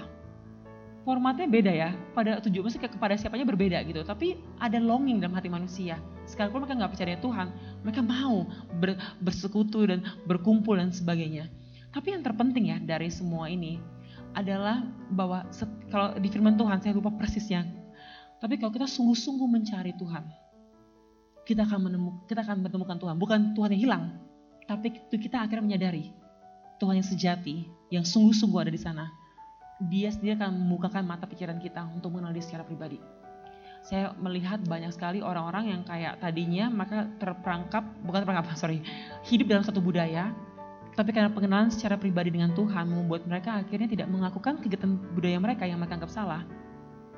Mereka akhirnya mencoba mencari kebenaran tersebut dan hidupnya dengan cara Tuhan, walaupun tidak mengenal agama tertentu yang mengajarkan pola pikir yang sama. How is that possible? Roh Kudus saya inilah kebaikan Tuhan. Kalau hati yang sungguh-sungguh mencari Tuhan, ia akan bertemu dengan Tuhan walaupun seperti apa pun kehidupannya. Contohnya tadi saya bilang, oh ini bukan GR atau apa, tapi kayak saya bertemu di keluarga yang nggak pernah ada sama sekali ketertarikan Tuhan. Tapi Tuhan sendiri yang memanggil saya yang terhilang dan saya meresponinya. Dan Tuhan tiba-tiba mempertemukan saya dengan orang Kristen. Ke mana-mana tuh ada yang berhubungan dengan orang Kristen. Sehingga jalan-jalan itu pun juga akhirnya membawa saya kepada penolakan Tuhan. Saya yakin penuh kalau orang sungguh-sungguh mencari Tuhan. Di mana pun dia berada dalam kondisi apa pun keluarga mereka atau budaya mereka, mereka akan bertemu dengan Tuhan. Tuhan berperkara untuk menyelamatkan setiap orang pilihannya dengan cara Tuhan yang terlampau ajaib. Melalui mimpi, melalui malaikat Tuhan, melalui teman-teman, melalui cara Tuhan yang terlampau dahsyat. Kalau kita mencari Tuhan, kita akan menemukan Tuhan yang sejati. Kalau kita sungguh-sungguh mencari Tuhan dengan hati yang tulus, karena kita ingin mengenal dan mengucap syukur atas kehidupan ini. Jadi jangan pernah berhenti. Dan siapa tahu ya, bukan cuma mungkin kita belum mengenal Tuhan secara pribadi. Siapa tahu dengan kita berdoa setiap malam Tuhan, tunjukkan siapa engkau kepada aku Tuhan, aku ingin menyembah Allah yang hidup, Allah yang sungguh-sungguh. Kalau doa saya dulu gini, Tuhan, the real God, kepada Tuhan yang sungguh-sungguh menciptakan alam semesta, tunjukkan siapa engkau. Itu doa saya sebelum saya mengenal Tuhan secara pribadi. Nah, dua hal yang terjadi dalam ruang ini. Pertama, Tuhan akan menunjukkan siapa dia kepada kita secara pribadi. Kedua, Tuhan akan pakai kita untuk membantu orang di luar sana untuk mengenal Tuhan secara pribadi. So that's it. I think the purpose of life is to know Him, mengenal Tuhan, dan menikmati hadirat Tuhan seumur hidup kita. Wow, oke, okay. it give me chills. Merinding ya dengar ceritanya. I love that story. oke, okay. Karena, ternyata banyak banget yang udah masuk pertanyaan. Mm -hmm, banyak sekali. Be prepared, Tracy. mulai gampang. Kita langsung aja ya. Mulai dari, uh, mulai dari live question live dulu question mungkin. Mungkin Ada- dari teman-teman ada yang punya pertanyaan? Heeh, satu dua Bisa. orang dulu kali ya. Iya, Nanti kita akan buka lagi untuk uh, live sessionnya. bisa mengangkat tangan. Nanti Nanti, panitia bisa ah. datang membantu. Don't be shy. Mungkin sambil ditayangin dulu aja di atas untuk Ah, yang- questions yang udah ada sambil nunggu. Oh itu udah ada dari CP. Oke, ya udah ada dari CP. Oke, silakan. Ya, uh, thank you. Boleh berdiri ya. Um, saya mau tanya kan tadi um, Kak Tracy mention kalau tadi tuh sempat ketemu orang-orang yang jadi atheist, right? And then like um, kan sempat ditanya kalau soal logiknya dan mereka sempat jawab pakai logik, and then they, mereka balik ke manakala lifestyle karena tidak ada Tuhan dia bisa lakukan ini, lakukan itu yang seperti tidak ada hubungan dengan Tuhan dan itu akan jadi dosa gitu. Terus tapi kalau lihat lagi kan sebenarnya itu udah their logic has failed them already, right? And kenapa mereka masih bisa memilih untuk percaya apa yang mereka ingin percaya aja dibandingkan dengan faktanya yang udah terpampang begitu jelas gitu. Kenapa mereka bisa memilih untuk membohongi dirinya sendiri dibandingkan dengan kenyataan yang ada di depan mata itu hanya karena enaknya itu. Itu kenapa? Ya, hmm. Kenapa mereka memilih untuk hidup dengan ateisme mereka lebih daripada untuk um, tadi terakhir Daripada tetap percaya padahal sebenarnya struk kayak struktur pemikiran logisnya aja udah nggak holds up sebenarnya. Hmm, hmm, ya.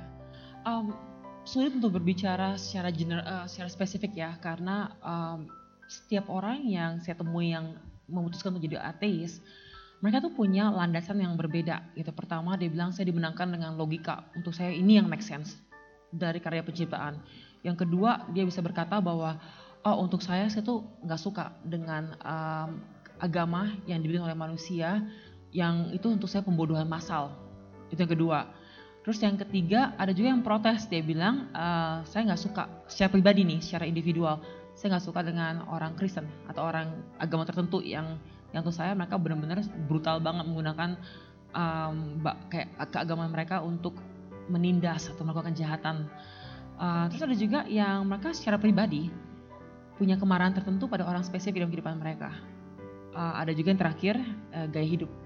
Jadi banyak sekali eh, angle di mana mereka memutuskan untuk inilah trigger saya terbesar dalam hidup saya yang membuat saya untuk memutuskan. Ada juga, ada juga yang nggak per- pernah mengenal Tuhan secara pribadi, nggak pernah ada ngomong ke mereka siapa Tuhan. Jadi nggak pernah diinjilin.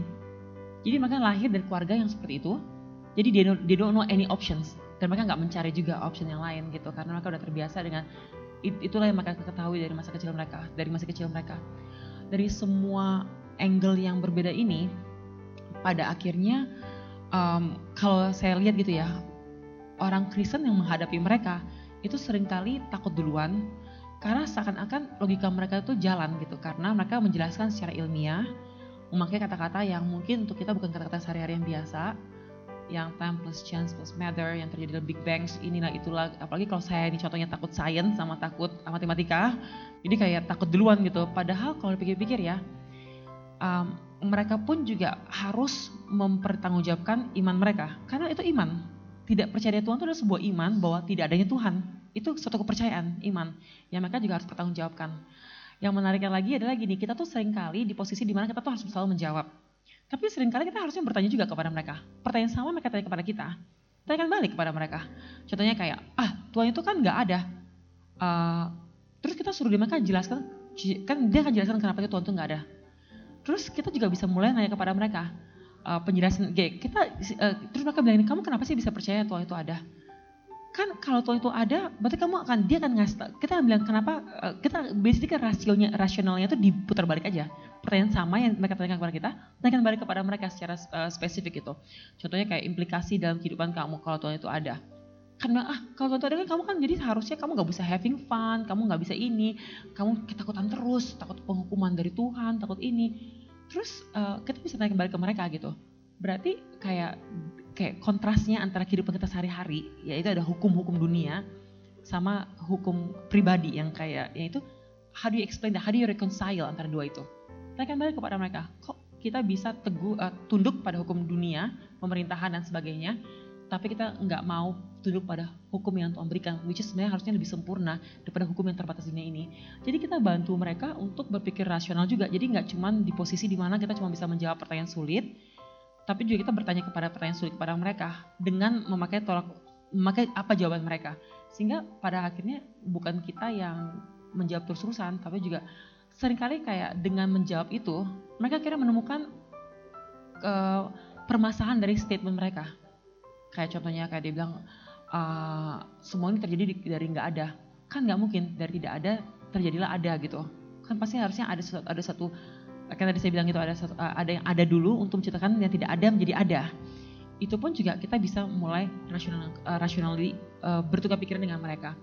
Um, terus yang pertama kita bisa membalikkan pertanyaan sama kepada mereka untuk bisa mengeluarkan pengertian mereka akan apa yang mereka percayai. Tapi banyak sekali ya artis yang saya temukan, mereka nggak ngerti ateisme. Mereka cuma berkata ateis itu karena it seems cool, keren zaman sekarang. Aman atheist. Di Indonesia nggak berani, takut di penjara. Tapi kalau di luar sana banyak banget yang itu kayak it's such a cool thing gitu to, to do. Tapi pas ditanya secara logika dan dijelasin apa itu ateisme, oh I don't believe that, oh I don't believe that. Banyak banget hal-hal yang disebutkan dalam ateisme yang mereka nggak percaya juga gitu. Malahan kita memperkenalkan kepada mereka apa itu ateisme, padahal mereka mengaku mereka adalah seorang ateis. Uh, dan ini menarik sekali gitu. Tapi pada akhirnya dari semua uh, yang orang yang yang ateisme ini um, yang mereka alami, sebenarnya yang paling penting adalah pertemanan yang baik sehingga bisa membantu mereka untuk bisa melihat uh, secara jelas bahwa Tuhan itu bukan Allah yang jauh, bukan Allah yang membuat budaya-budaya salah yang kita pegang dalam agama-agama di dunia ini, tapi karena manusia itu berdosa, sehingga mereka mengambil kebenaran, membelokkan kebenaran, menciptakan sendiri kebenaran-kebenaran menurut mereka yang baik berdasarkan dengan agama-agama dan tradisi di tradisi-tradisi dunia. Sehingga kita bisa membandingkannya dengan cara Tuhan. Jadi kayak kita membantu mereka untuk kan mereka kebanyakan kepahitan mereka adalah pada banyak hal kita mungkin pelan-pelan membantu mereka untuk bisa melihat secara jernih bahwa harus membedakan ajaran Tuhan melalui firman-Nya dan ajaran dunia melalui karena akibat uh, dosa manusia yang membuat manusia memutarbalikkan kebenaran atau membuat suatu kebenaran yang menguntungkan kebenaran-kebenaran post truth yang menguntungkan pihak tertentu gitu. Harus bisa dibedakan. Maka itu kontras is a clarity. Membandingkannya dengan firman Tuhan sehingga membantu mereka untuk bisa melihat jangan istilah jangan jangan dulu uh, kayak gini jangan menghakimi kelas cuma karena satu murid nakal. Cari tahu dulu pengajaran kelas itu apa aja siapa gurunya dan sebagainya. Jadi I think that's important. Tapi just to close uh, untuk bilang tentang kayak kita nggak perlu takut sama orang yang menganut kepercayaan ateisme. Uh, mereka pun juga sebenarnya harus reconcile antara apa yang mereka percayai dengan apa logika. Mereka pun juga pasti mengalami struggle tapi yang kita harus lakukan adalah menjadi teman yang baik, tidak hanyut dengan pengajaran yang salah, tapi membawa mereka kepada pengajaran yang benar. Uh, good friendship adalah itu membawa pengaruh yang baik pada kebiasaan yang buruk, pada pemikiran yang salah, dan membawa mereka kembali kepada kasih Kristus. Uh, banyak penulis Kristen yang ateis tadinya, C.S. Lewis salah satunya. Jadi kalau kita mempelajari pemikiran yang orang ateis, dari kacamata Kristen kita bisa membaca buku contohnya C.S. Lewis, Mere Christianity, uh, dia memakai banyak sekali ilustrasi maupun logika yang orang ateis akan ngerti karena you know it's actually sometimes ya Tuhan menemukan kita uh, di tempat di mana kita berada Tuhan bisa pakai masa lalu kita bukan untuk uh, untuk bisa kita bisa mengerti orang-orang yang mirip sama kita di masa lalu kita. Jadi Tuhan mau kita berubah hati kita, pikiran kita, tapi nantinya pun nantinya Tuhan akan pakai kita untuk bisa menciptakan kepada orang-orang yang dulu seperti kita untuk bisa membawa mereka kepada kita yang saat ini di dalam mengenal Tuhan dan hidup dalam Tuhan. So I hope and pray that kita nggak takut mati ateisme, pelajarin mereka punya logika penjelasannya, bandingkan dengan kekristenan dan selalu minta pimpinan Roh Kudus untuk bisa melihat dengan jernih dan dan biarlah semua yang kita lakukan untuk kemuliaan Tuhan bukan untuk uh, dipandang pintar tapi untuk kemuliaan Tuhan. I hope that help ya. Oke, okay. thank, thank you. you. Oke, okay, kita next question ya dari uh, question tertulis nih. Mengapa Tuhan menciptakan manusia ketika dia tahu bahwa ada sebagian manusia yang menuju neraka, padahal Tuhan mengasihi manusia bukan? Betul dia sudah menawarkan solusi yaitu Yesus Kristus, the truth, the way, the life, tapi tetap tidak mengubah keadaan bahwa sebagian orang tetap ada yang menuju neraka karena tidak dipilih olehnya. Predestinasi berarti ya. Dan mungkin kalau boleh ditambahin biar lebih menarik sedikit, bisa kita tambahin ke mungkin ini pertanyaan yang menurut karena menurut saya ini banyak banget saya personally ketemu beberapa orang dan ini jadi sesuatu yang sangat mengganjal bahkan untuk orang yang sudah dibaptis sekalipun sebenarnya basically yang I don't know bisa dijawab atau enggak ya, tapi tentang problem of evil sih basically. If God is good, kenapa ada kejahatan? Kenapa dan ada kalau Tuhan alam yang gitu ya, ya, kenapa misalkan. in general lah kejahatan Hmm. bencana alam dan kalau Tuhan lebih spesifik lagi tentunya dalam dosa. Kalau Tuhan menciptakan karena kan kita semua percaya ada God is the first cause of everything. Dia sudah tahu segalanya kenapa Tuhan mengizinkan dosa ada. Bahkan ke sana seakan-akan to some extent dia takes part dalam yang mengadakan dosa itu secara nggak langsung. Um, ini dua pertanyaan sangat besar dalam dunia teologi ya, dan I really hope that um, dengan waktu yang sangat singkat bisa memberi satu dimensi jawaban ya tapi pastinya ini bukan jawaban keseluruhan jadi um, don't shoot God through the messenger gitu kayak pelajarin sendiri di waktu kita tapi yang menarik ya um, dulu saya nggak mengerti kok saya udah diajarin yang benar tapi masih lakukan yang salah contohnya disuruh ibu saya belajar ya main-main Habis itu kayak bikin PR ya, lari ke pantai. Kayak why? Kenapa saya punya tendensi? Ya udah tahu itu yang paling benar, ada waktunya, ada dikasih ada gurunya, ada semua, every facility ada.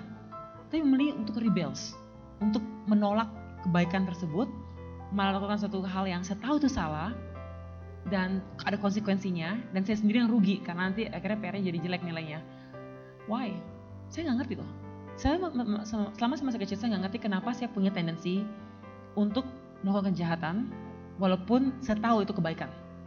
Akhirnya pas saya jadi orang Kristen, saya mempelajari bahwa yang terjadi di Taman Eden adalah manusia punya uh, relationship yang sempurna dengan Allah Bapa, di mana manusia Adam berjalan sore-sore dengan Tuhan, berbicara dikasih kepercayaan yang sangat besar untuk menamai seluruh karya ciptaan Tuhan, dan juga relasi itu sangat penting sekali.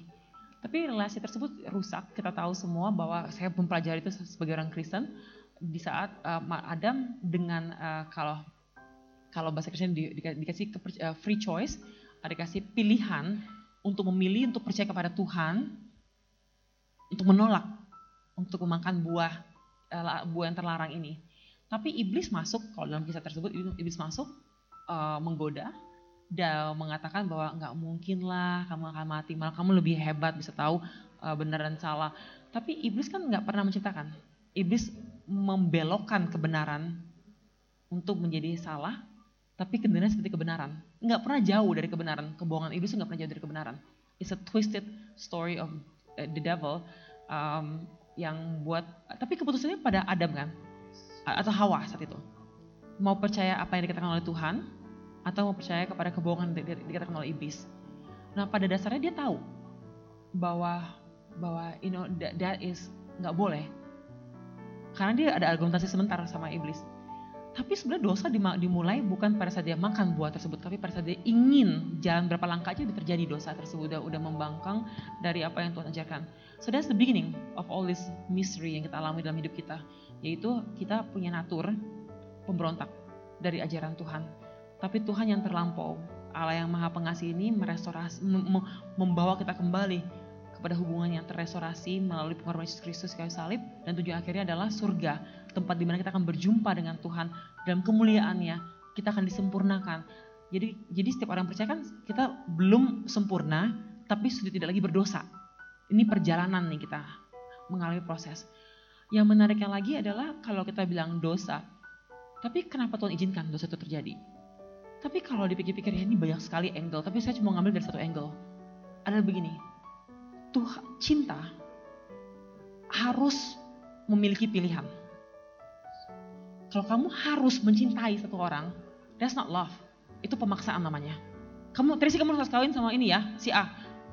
But I don't love him mom. Enggak, harus. Kamu harus cinta sama dia, kamu harus kawin sama dia. That's not love. Itu pemaksaan. Tapi cinta ada pilihan untuk mau mencintai atau tidak. That's love. Jadi kayak kalau kita lihat yang pertama adalah kita kan God wants us to love him bukan karena dipaksa, bukan karena kita di wired. Oke, okay, cucuk Tracy, you forever will love God.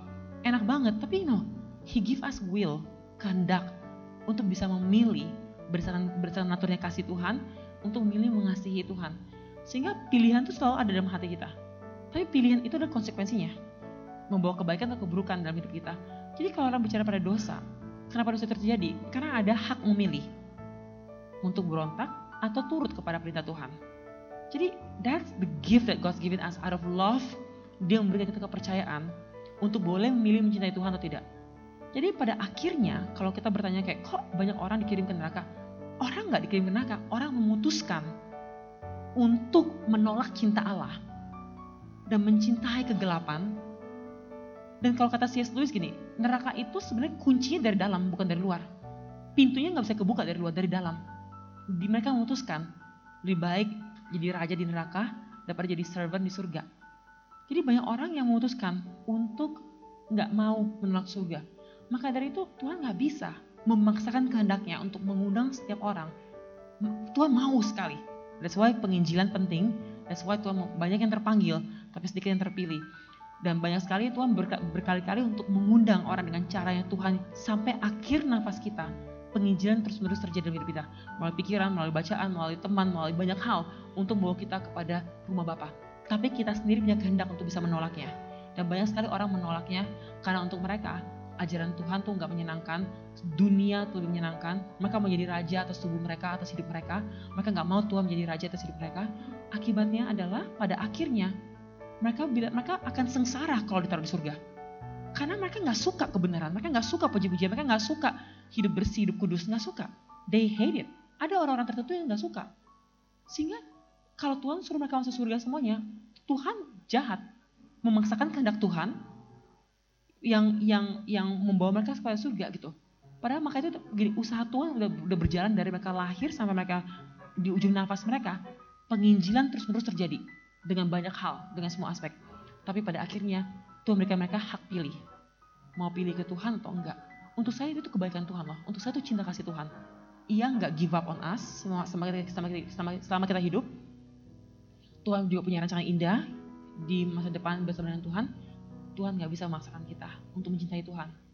Tapi Tuhan terus menerus mengundang kita untuk mencintai Tuhan. Again, neraka bukan diciptakan, masa kayak bukan diciptakan untuk sebagai uh, masa hukuman, tapi itu adalah apa pun yang jauh dari Tuhan dalam keabadian adalah neraka rasanya. Kalau nggak ada kasih Tuhan, nggak ada cinta kasih Tuhan, itu neraka. That's hell. Apa pun bentuk hell yang Tuhan ciptakan.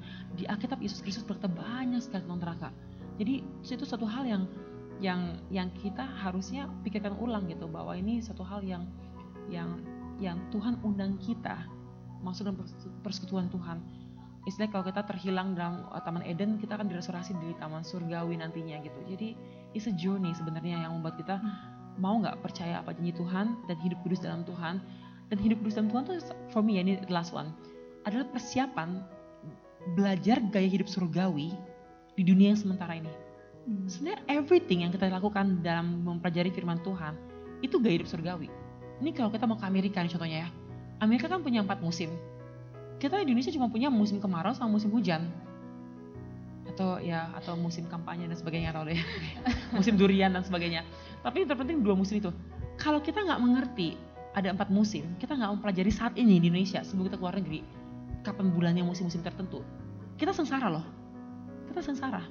Kita nggak akan bisa adaptasi dengan baik tiba di Amerika cuma bawa kaos kutang ternyata lagi musim winter minus 15 mati jadi kayak sering kali kita harus mempelajari dulu sebelum pindah mempelajari budayanya mempelajari uh, temperaturnya cara hidupnya dan sebagainya now we are learning as a Christian untuk gaya hidup surgawi di dunia sementara ini so practice well ini bukan membatasi kita tapi melindungi kita dan membawa kita kepada nantinya tiba di rumah Bapak udah siap dengan gaya hidup yang seperti apa nanti di surga. Hmm.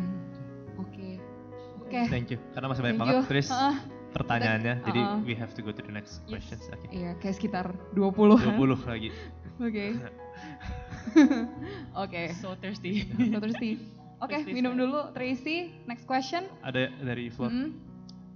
Yang yeah. mau bertanya? Yang gampang-gampang ya. Oh, jadi ini uh, kepercayaan itu sebenarnya kognitif atau hati sih gitu. Kalau kognitif kan ada orang jenius percaya Tuhan, ada juga yang nggak percaya. Kalau masalah hati, untuk apa manusia berusaha mengadakan talks untuk mempelajari keberadaan Tuhan? Uh, jadi pertanyaannya sebenarnya sebenarnya percaya itu kognitif knowledge atau sebenarnya feeling gitu ya? Sebenarnya ini ke uh, iya sebenarnya Ya, that's already Already answered, answered. ya. Where were you? Thank you. Iya, itu sebenarnya kombinasi ya, Yang nggak bisa terlepas. Iya, iya. sendiri-sendiri gitu. Iya. Gak apa-apa. Ma- Iya. Makanya itu kayak kalau ini ya, ini Hmm. menjawab banget yang kan di kalau kita mau rangkumin seluruh isi firman Tuhan. Tahu kan yang dua hukum terutama adalah Kasih. kasih Allah dengan segenap pikiranmu, dengan segenap hatimu, dengan segenap hidupmu, dengan segenap tenagamu, kekuatanmu semuanya, with all your being, and then love others as you love yourself gitu. Jadi ini sebenarnya kita tuh nggak nggak cuma satu aspek dalam sisi hidup kita aja yang kita bisa oh I love God with my heart tapi nggak dengan pikiran. Atau I love God with my pikiran tapi nggak dengan hati. Nggak bisa. Itu keseluruhan dengan kekuatan kita dengan waktu kita dengan energi kita dengan uh, kekayaan kita dengan semua. Itu harusnya semua aspek itu yang akan membawa kita untuk bisa lebih dalam lagi um, menyembah Tuhan seperti yang hati kita dan hidup kita rindukan. Oke, next question. Ini if Almighty God yang sudah tahu segala sesuatu yang baik, belum maupun akan terjadi, why would He let Himself be upset? Why would He let Himself be angry? Langsung digabung yang digabung berikutnya, basically why God? Created Yeah, That is not a question. evil. that's hard. Jadi Tuhan bisa marah nggak sama Tuhan kenapa menciptakan evil Ya, gitu ya? ya, Kenapa bisa ada iblis at the first place? Yang pertama dulu ya, if kalau Tuhan maha tahu, maha baik, dan tahu apa yang terjadi, kenapa dia kok ada masa-masa di Alkitabnya terlihat Tuhan tuh uh, marah gitu, murka. Um, kok dia boleh kan dimurka? Nah, um, kan marah itu ada marah yang baik dan marah yang gak baik. Kalau kata Tim Keller gini, kalau kamu marah pada hal yang harusnya nggak marah, kamu dosa. Tapi kamu nggak marah, pada harusnya kamu marah, kamu pun juga dosa. Marah pada konteks yang benar, itu untuk membawa kebaikan, itu boleh. Maka itu kita lihat di kisah yang kalau kita baca Tuhan Yesus kan ada ma- masa-masa tertentu dia marah kepada ke- ketidakadilan, rumahnya dia dikotori dengan penjual penjual-penjual yang tidak memuliakan Tuhan dan sebagainya. Um, I want to give an illustration on this ya sebagai jawaban. Coba kalau bayangin nih, kamu di rumah disuruh babysittingin adik kamu yang paling kecil. Let's suppose imagination, kamu punya adik umur 5 tahun. Kamu lagi di dapur, lagi manasin ah, manasin apa ah, air panas. Dia dia tiga tahun, dia tiga tahun, dia jalan mendekati ke kompor untuk mencoba untuk ngambil ah, itu ah, apa namanya? Teko ya, teko bahasa Indonesia. Teko, teko. Teko, oh teko. Lucu, teko, teko, teko. Dia ambil teko. That is a cute name, teko. Teko, teko. Ya ambil teko. Dia lagi jalan menuju ke meja, ke meja apa ke, ke tempat kompor, kamu udah tahu apa yang akan terjadi. Walaupun kamu bukan Tuhan loh, ya kan? Kamu lihat dia udah kayak dia mau ngambil, dan kamu bisa bayangkan dengan tingginya dia, di tingginya meja, eh, tingginya kompor, itu air panas mendidih, dia akan jatuh ke, ke dia. What you will do next adalah kamu akan teriak, hey jangan! Nah yang ngantuk kebangun kan, kaget. That's the purpose of this story. Tiba-tiba, tiba-tiba, dia kaget dan dia nangis. Dan kamu akan marahin hey gak boleh ke dapur, gak boleh ambil air panas. Why? You know. Dari kamu tahu keseluruhan kejadian. Dan berapa detik dia akan terjadi, dia akan ambil itu. Marah kamu bukan karena kamu benci sama dia. Marah kamu karena kamu terlampau sayang sama anak ini. Kamu harus menjaga dia saat itu. Ini manusia ya, an example of human. Marahnya pada konteks yang benar, untuk membuat dia jerah, untuk mengambil air panas di kompor di dapur. Why do you do that? Kenapa nggak biar dia rasain makanya nanya dulu dong? Enggak, you don't do that, right? Karena out of love, karena mengasihi anak umur 3 tahun ini, kita melindungi dia, memarahi dia untuk konteks yang benar, agar dia lain kali akan lebih hati-hati lagi. Agar dia tunggu sabar dan sebagainya. Nah sering kali kalau dalam kehidupan kita, atau kita baca firman Tuhan, berapa kali Tuhan tuh marah pada bangsa Israel. Karena mereka bebal. Dikasih tahu berkali-kali, masih juga lakukan hal yang sama. Mereka udah tahu penyertaan Tuhan yang secara jelas. Mereka masih menyembah berhala-berhala yang dibuat oleh tangan manusia. Batu, patung, dan sebagainya. Why?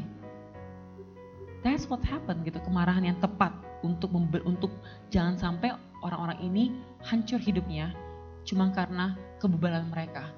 Jadi I think um, God knows tapi juga karena Tuhan involved dalam kehidupan kita bukan Tuhan yang melihat sandiwara manusia dari jauh tapi Tuhan Immanuel Allah beserta dengan kita ia menuntun, mengajar, membangun iman kita.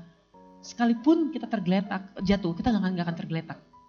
Ya itu campur tangan Tuhan yang terlampau ajaib dalam kehidupan kita. Maka itu kayak kan Tuhan selalu memberikan pilihan pada Joshua you know choose life not death.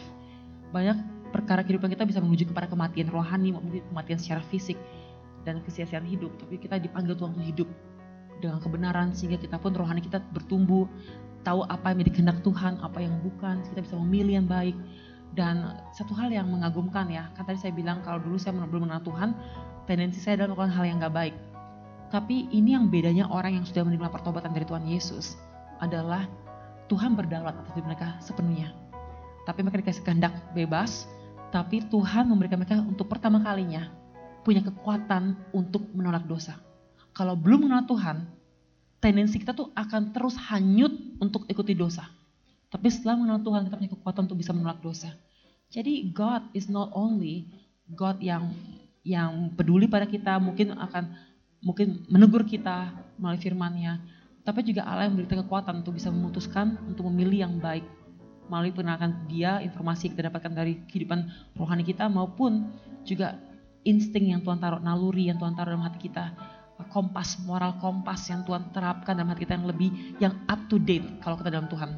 Jadi kita semua punya moral kompas, tapi ada moral kompasnya belum, pernah kan punya HP yang kita lupa kita lupa upgrade, ya agak-agak hang gitu ya.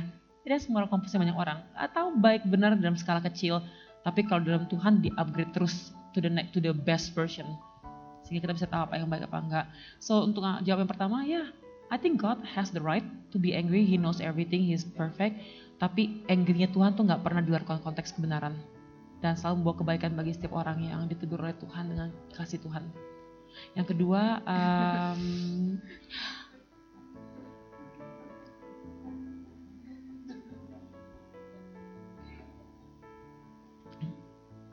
that is a question we have to ask God.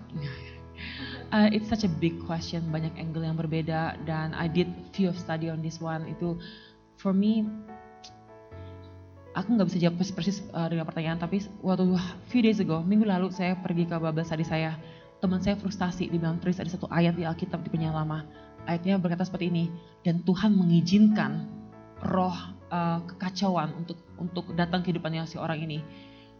Kok Tuhan bolehkan roh kekacauan? Kok Tuhan izin kok Tuhan kirim roh kekacauan kepada Saul kok nggak salah itu. Roh, kese, roh apa ya? Kekacauan. Tuhan.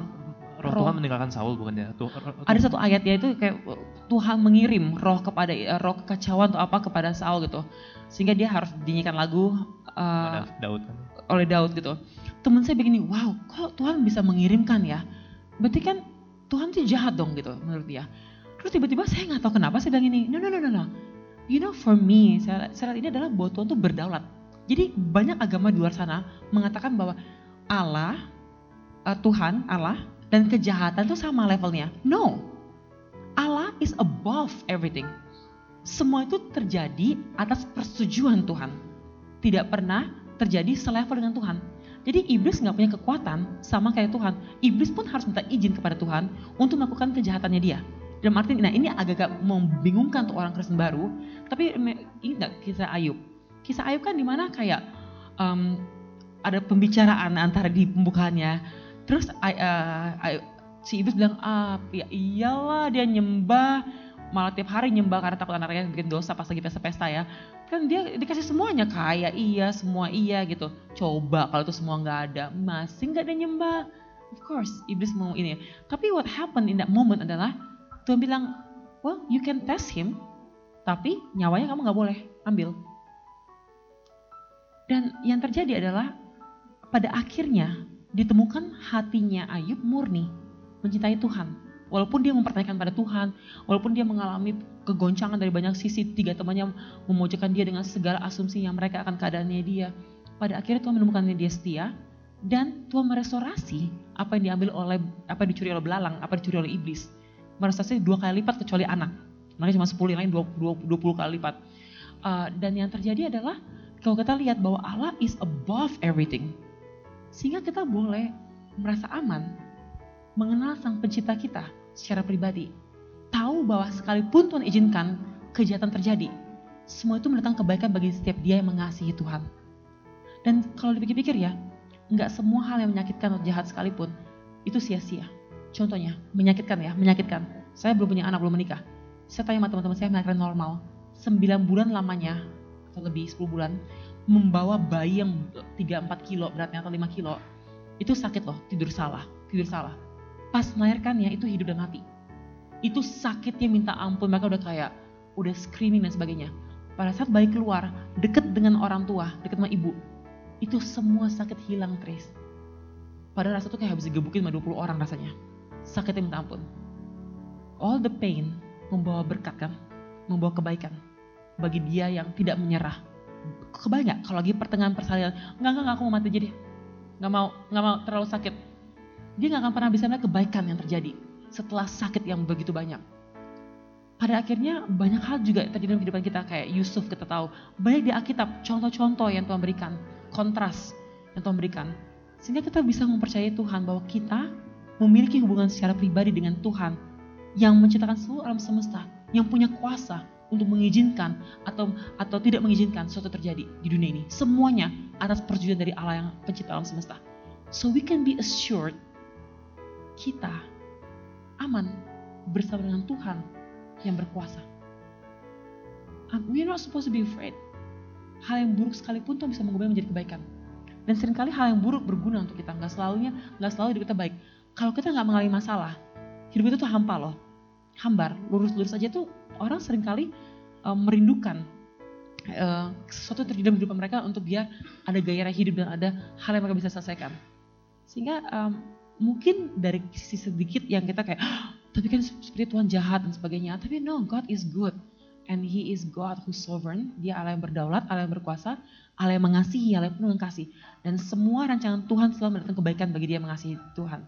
So let's hope and assured bahwa in Christ dan Tuhan, um, semua atas izin, izin Tuhan dan atas cinta kasih Tuhan. So selalu akan mendatangkan kebaikan.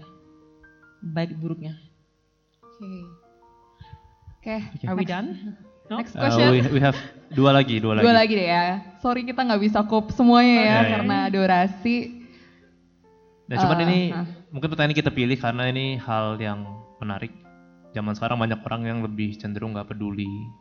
Hmm. Jadi kita tahu Tuhan ada untuk kita yang tahu tugas kita itu untuk bisa how to convince others basically kan untuk mengabarkan Injil itu. Tapi jadi masalah banyak ini pertanyaan orang tapi saya juga pernah menghadapi orang yang sama orang agnostik yang ya basically mereka bertanya ini karena mereka mungkin nggak gitu peduli ya tentang afterlife. Jadi adanya kehidupan setelah kematian itu ada itu yang mengimplikasikan adanya Tuhan. Tetapi teman saya yang seorang agnostik yang bilang bahwa konsep adanya kehidupan setelah kematian merupakan hanya ciptaan manusia juga dengan tujuan untuk kenyamanan manusia atas ketakutan terbesar manusia akan kematian. Bagaimana kita bisa menjawab hal tersebut? Jadi God- hanya untuk fulfill. Ya, jadi sebenarnya ini ujung-ujungnya gitu ya. seperti Mm. itu.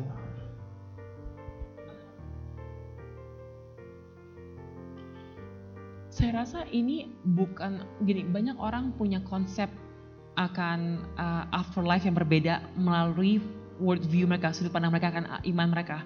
Um, kalau pas saya dulu pas saya lagi pergumulan ya sebelum saya menjadi orang Kristen, ada empat pertanyaan yang, yang, yang kategori empat pertanyaan yang saya tanyakan.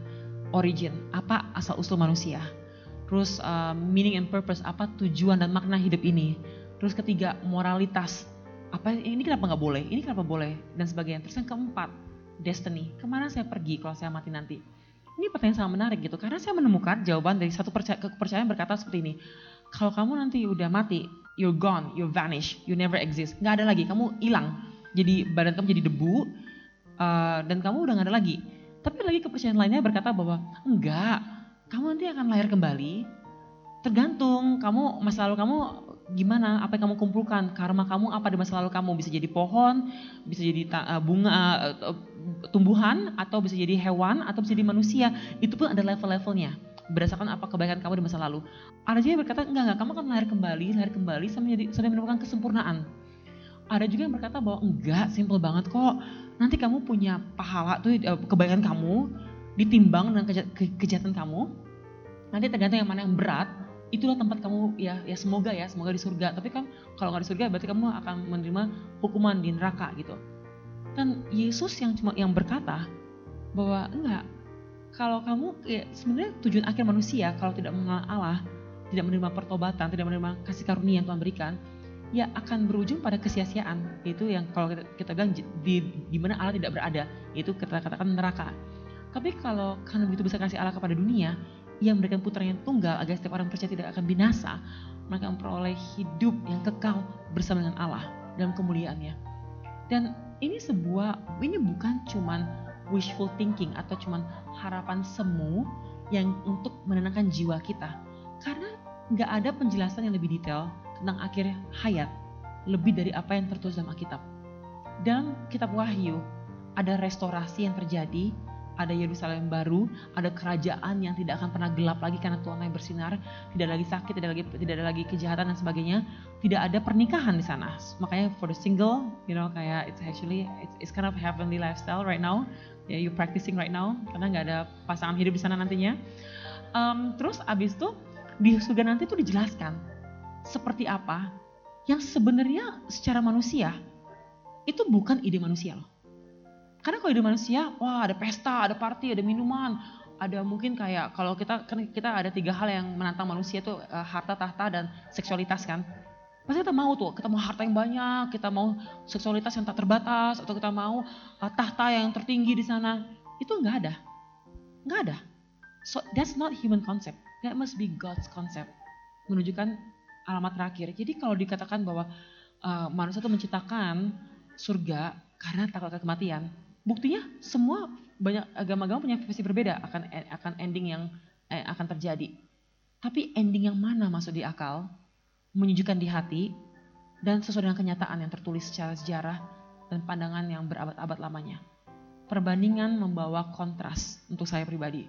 Di saat saya membandingkan tujuh agama tersebut, saya menemukan bahwa penjelasan akan akan destiny, akan surga yang Tuhan Yesus tawarkan melalui firman Tuhan. Itu sungguh-sungguh semua aspek pikiran, hati, semua itu make sense di sana. Tidak ada ketidaksucian. Karena itu sungguh-sungguh tempat yang tersuci karena Tuhan sendiri yang bertata di sana. And that's beautiful. Semua kerinduan saya di dunia itu ada di sana. Enggak satu penyakit, enggak ada apa-apa. Penjelasannya di kitab Wahyu 21 sama 22 ada di sana. Jadi for sure kalau pandangan saya apa yang dijelaskan di kitab Wahyu itu benar-benar uh, di luar dari saya rasa cita manusia. Tapi of course kebahaya dari iblis adalah dia nggak menciptakan, dia membelokkan kebenaran untuk menjadi kebenaran-kebenaran lainnya yang tidak ada fondasinya dan tidak ada of course nilai kebenaran sejati kalau kita membandingkannya dengan kebenaran Tuhan. Jadi um, semua orang akan akan akan menghadap kepada kematian. Ada perbedaan ke mana kita pergi setelah kematian yang berdampak dalam kehidupan kita sehari-hari. Kalau nggak ada apa-apa di ujung sana, kita hidup suka-suka. Kalau ada apa-apa di ujung sana, yaitu Tuhan persiapkan, kita akan hidup dengan cara untuk bisa tiba di tempat yang Maha Tuhan sediakan. So of course dengan anugerah Tuhan, jadi nggak dengan kuota kita manusia untuk bisa tiba di rumah Tuhan. Karena is first undangan dari Tuhan, kita terima, kita syukuri, kita hidup dalamnya. Dan kita pun akan dijamin once in Christ, you will be forever in Christ.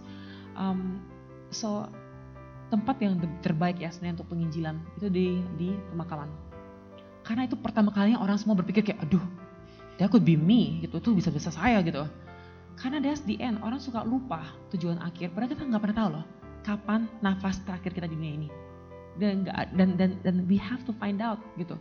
Apa di balik itu semua? Karena itulah tujuan yang sama. The only dua hal yang sama dari kita semua di ruangan ini adalah kita pernah lahir, kita akan mati. Di antara kisah itu nggak ada yang sama. Itu hebatnya Tuhan. 7 miliar orang di dunia ini nggak ada yang punya kisah sama. But we will die one day. Nggak ada yang nggak akan mati. Jadi kayak make sure kita nggak cuman menginvestasi di tanah, di sarjana tingkat berapa, di pasangan hidup, tapi in eternity. It's extremely crucial, it's forever. Sebagai penutup ya, Francis Chan, seorang pendeta pernah berkata, berkata seperti ini. Ada gulungan benang nih, dia bilang. Gulungan benang yang panjang banget, warna putih. Nah, ujung dari gulungan benang itu segini doang, itu warna merah. Dia bilang, nah di dunia ini, gulungan yang kita tuh cuma warna merah ini. Tapi eternity is forever and ever and ever and ever never ending. Kenapa kita fokus pada kesenangan yang cuma segini? Padahal Tuhan persiapkan kita melalui kehidupan yang cuma segini untuk tidak ada endingnya. So this is a preparation. Ini sekolah hidup untuk kita semua. Untuk mengenal sang pemberi hidup. Jadilah murid yang tunduk kepada sang pemberi hidup. Karena ini cuma sementara. Dia mempersiapkan kita semua untuk masuki kehidupan keabadian dalam dia. Nanti one day will be like, wow, ini lebih dari apa kita bisa bayangkan, pikirkan, dan harapkan bagi dia mengasihi Tuhan. Akan diberikan bagi dia mengasihi Tuhan. So heaven is real, bukan buku. I never been to heaven, aku juga gak percaya orang yang kok ke surga bisa balik ke dunia. If I'm in heaven, gak mau balik ya Tuhan, gak mau balik ke dunia, gak mau, I'm staying, I'm staying. I, I'm a believer that once you're in heaven, you're in heaven. I don't think you want to come back. But that's another story. Bisa dimarahin sama pendeta-pendeta nanti yang udah pernah ke surga katanya. But no, once you're in heaven, you don't want to go back on earth. Yeah, so so let's let's live for God. Marilah kita hidup untuk mengenal Dia, menikmati hadiratnya dan untuk hidup untuk untuk menyenangkan Tuhan untuk selama-lamanya. Ya. Jam 3. Jam 3. Ca- Can we do one more? Can we do Oke. one more atau Eh, oke. Guys, guys, I think yang ini menurut saya adalah jawaban yang eh, pertanyaan yang kok bisa apa ya sangat bagus kalau bisa diberikan profound understanding about why God created us. Mengapa Tuhan menciptakan manusia dan ingin manusia mengenal Dia? Hak keistimewaan Tuhan adalah dia bisa melakukan apa pun yang menurut Tuhan baik. Yeah. Tapi I think this is the biggest compliment loh for us, beneran. Kita di only, kalau kita lihat kejadian satu ya, semua ciptaan Tuhan dibilang baik, baik, baik. Hanya pada saat dia menciptakan manusia sangat baik. Can you imagine dia menciptakan kita semua dengan citra Allah, dengan serupa dengan Allah dalam kapasitas, kapasitas yang berbeda of course. And God created, uh, Tuhan menciptakan manusia. Bukan karena dia kesepian. Bukan karena dia iseng. Bukan karena dia kayak, um, ah mau sok-sokan gitu. Ia menciptakan manusia karena dia dasarnya kasih. Ia menciptakan manusia yang serupa dengan uh, actually I can only answer sekecil ini dari jawaban Tuhan yang tak terbatas. Jadi Lord, please forgive me. Cuma bisa angle mungkin kayak 0,0001% reason why. For me karena haknya hak kedaulatan Tuhan. Uh, kedua, karena Tuhan adalah kasih, Ia ingin menyatakan kasihnya kepada kita. Maka itu kita adalah manusia relasi. Manusia tidak bisa hidup sendiri, manusia hidup dengan berrelasi dengan sesama. Manusia yang punya cerminan kecil dari siapa Tuhan. Dan yang ketiga adalah relasi yang terutama adalah dengan Dia. Jadi jadi I would say tiga dari ribuan alasan kenapa Tuhan menciptakan kita. Tapi it is the biggest compliment untuk saya. Untuk saya melihat ya, ini adalah pemberian dan kebaikan Tuhan yang terbesar. Um, menciptakan kita dan menyelamatkan kita yang terhilang. So that is beautiful. Tapi you know what? I actually answer dari satu sisi ya. Tapi kan dari tadi kan you both asking me question. I want you to help me answer that question dari sudut sudut pandang kalian secara pribadi. Karena Oh oh. Uh, so now it's your turn and then it's your turn and we can close.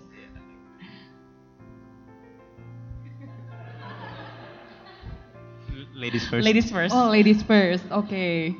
Eh, menurut saya sih sama kayak yang Tracy tadi bilang ya, kayak ulat tidak bisa mengerti manusia. Sama seperti manusia sebenarnya nggak bisa ngerti Tuhan sepenuhnya. Kenapa? Saya juga nanya pertanyaan ini sih di katekisasi dan eh, ya this is a kind of messianic secret gak sih sebenarnya? Kayak tapi yang saya tahu adalah saya bersyukur Tuhan ciptain saya di sini dengan segala experience yang bisa dianugerahkan ke saya untuk bisa mengenal Dia, untuk bisa berproses dan berjalan eh, melalui semua ini. Itu menurut saya sesuatu yang sangat apa ya? tak tergantikan lah ya. Dan kalau Tuhan nggak ciptain manusia, mungkin kita semua nggak akan bisa ngerasain apa yang kita rasain sekarang. Gitu sih. So basically I cannot answer that, tapi ya yeah, grateful for that. gitu. Another angle maybe? Ya. Angle yang berbeda? Mengapa Tuhan menciptakan manusia dan ingin manusia mengenal Dia? Sebenarnya ini memang tadi pas scroll milih-milih pertanyaan dari tadi lihat di handphone, pas lihat ini kayak langsung gue minta ke moderat yang di belakang kayak ini harus jadi pertanyaan penutup karena sebenarnya merupakan pertanyaan yang sangat baik. Sebenarnya ini juga akan merangkum seluruh talk show kita hari ini ya kalau kita pikir-pikir ya bahwa Betul. God Ini bagian dari jawabannya kan? Bukan ya, ya, ya, penutupan kan? bagian dari jawaban, bagian dari jawaban. Masih nunggu soal jawabannya. Iya, Jangan menghindar. God creator atau God creation. Karena sebenarnya ini cuma ditanya, mungkin sebenarnya I don't think atheist bakal peduli dengan jawaban pertanyaan dari pertanyaan ini karena they don't care. Ini adalah sebuah pertanyaan yang harus tanpa mereka tanya, kita orang percaya bisa jawab. Karena orang yang bisa menjawab kenapa Tuhan sebenarnya menciptakan manusia dengan jawaban yang tepat, itu baru orang yang sebenarnya benar-benar sudah tanda kutip pernah bertemu dengan Tuhan ya. Only once God sudah sudah benar-benar mengetuk pintu hati seseorang, kita semua, dia sudah menyatakan kasihnya, baru kita bisa menyadari, oh ini sebuah anugerah. Jadi gue cuma jawab kalau Tuhan menciptakan manusia itu, I don't know, tapi clearly ini sebuah anugerah. Karena out of orang selalu banyak kayak dari tadi kita kan banyak hard questions tentang problem of evil, sinfulness. Kenapa Tuhan mengizinkan begini? Kenapa Tuhan begini? Kenapa Tuhan begini? Tapi kita nggak ngeh. Di satu sisi walaupun memang kita nggak bisa menjelaskan secara penuh dan bisa mengerti tentang adanya dosa, kejahatan, kita lupa ya. Ketika manusia menjatuhkan dosa itu sendiri pun ada harga yang tanda kutip ada harga yang Tuhan harus bayar ketika kita jatuh dalam dosa itu bukan hal yang Tuhan mau dan Tuhan bersuka cita. Bukan ketika kita ada berdosa Tuhan seneng kan? It's not like that. Ketika kita berdosa, bahkan sampai kita berdosa Tuhan itu jujur gue yakin somehow grieved because it hurts for God. Kayak, lu bayangin kita ciptain sesuatu atau yang punya anak mungkin bisa mengerti akan sakit hatinya. Kita nggak pernah mikir ke situ. Kita cuma mikirin kesulitan kayak mempertanyakan Tuhan tapi kita nggak sadar bahwa di dalam kerusakan kita, bahwa kita yang sebenarnya nggak layak, Tuhan kan tahu. Sebelum Tuhan menciptakan, Tuhan kan tahu what apa yang akan dia, apa yang harus dilalui, apa yang Yesus Kristus anaknya harus lalui. Tapi di balik semua itu pun Tuhan tetap menciptakan kita dan mengizinkan semua itu terjadi. Jadi ya menurut gua ini pure sebuah kedaulatan Allah dan anugerah terbesar yang Tuhan bisa ciptakan. Jadi mungkin kalau bisa juga menjawab beberapa pertanyaan tadi. Menurut gua Kenapa ada kejahatan, kenapa ada iblis, kenapa ada dosa. Itu bukan sesuatu yang kita bisa jawab dengan logika, tetapi jelas tanpa ada cerita-cerita ini, kita nggak bakal tahu sejauh apa the extent of God's love gitu. And I believe it's not, I, I honestly think it's not easy for God when He decided, you know, it, it takes, ya untuk dia sih mungkin He knows and if we put ourselves in His place gitu, it's it's something really really like amazing. Jadi jawaban ini ya semuanya adalah anugerah. Dan mungkin sekalian nutup aja ya. Boleh. Boleh ya. Bahwa dari tadi kita menjawab eh, bertanya-bertanya, kita kasih pertanyaan-pertanyaan yang sulit, very very hard. Beberapa pertanyaan yang sangat sulit pas gue lihat juga cukup surprising. Dan sering banget untuk God creator atau God creation dan khususnya untuk orang-orang yang tidak percaya dan ateis. Dan kadang kita pun begitu, kita berpikir manusia makhluk yang logis, makhluk yang rasional. Tapi gue balik tanya untuk kita semua, are we really? Apakah kita benar-benar manusia, manusia yang logis? Apakah kita mengambil keputusan itu hanya berdasarkan logika kita? Karena pada prakteknya kalau kita benar-benar manusia yang logis, ateis itu yang nggak percaya ada afterlife, Itu Buat sangat apa? tidak logis buat ya. apa hidup? Buat apa? Kayak, kayak if I'm an atheist, nothing, dan gue cuma misalnya kerja ngumpulin duit, mati, ini udah nggak ada harganya, mati aja sekarang. What for? Tapi di satu sisi itu juga hal yang sama, kalau kita orang yang bilangnya kita percaya Yesus Kristus sebagai Tuhan dan Juru Selamat kita, kalau kita makhluk yang logis, kita tahu konsekuensinya dan kita tahu rewardnya, kita bakal live it out, we will live our faith out. Jadi menurut gua ketika kita dipakai sering banget karena ini dipakai orang ateis ya, you're just not logical, you're illogical. Kayak, Of course we are illogical creatures. We are driven by love, we are driven by our hearts. So yeah. menurut gua ketika diperhadapkan dengan creation atau creator, ya kita tentu tetap harus belajar untuk bisa menjawab, untuk memfasilitasi orang-orang membutuhkan. Tapi first and foremost yang paling penting kita harus mau benar-benar ketika kita berdiskusi ketika kita menginjili orang itu with love. Kita benar memiliki kerinduan untuk bahwa mereka bisa bertemu dengan Yesus Kristus. Karena tanpa itu kalau kita cuma mau memenangkan argumen secara logis ya I don't think that's Ikut aja debat politik Iya, gitu ya. iya. Iya, iya. Oke, iya sih benar. Dan yang aku dapat banget hari ini adalah ya semua iman itu proses gitu dan pertanyaan-pertanyaan itu tidak salah untuk ditanyakan asalkan dengan tujuan yang benar gitu. Gak Benar. cuman untuk oke gue pinter nih ya, gue bisa jawabin nih semua argumen-argumen lo gitu kan. Tapi ya gimana kita mau memberitakan Tuhan dan memberitakan kasih Tuhan yang kita rasa begitu nyata di kehidupan kita tuh sama orang-orang lain gitu melalui argo jawaban-jawaban tersebut gitu. Sih, so thank you so much Tracy. Terima kasih semuanya. Iya. Eh, Jangan jangan trauma ya, undang saya lagi ya. justru jangan trauma datang ke sini ya Tracy. Panjang asal selesai ya. Heeh. Harusnya dia bisa seharian ini kok ya. Oke, thank you untuk semuanya udah hari ini bergabung sampai cukup sore. Mungkin sebelum bubar kita berdoa dulu ya, berdoa tutup. Let's pray. Bapak yang bertahta dalam kerajaan surga, kami sungguh bersyukur ya Tuhan untuk kesempatan yang telah Engkau berikan kepada kami pada hari ini.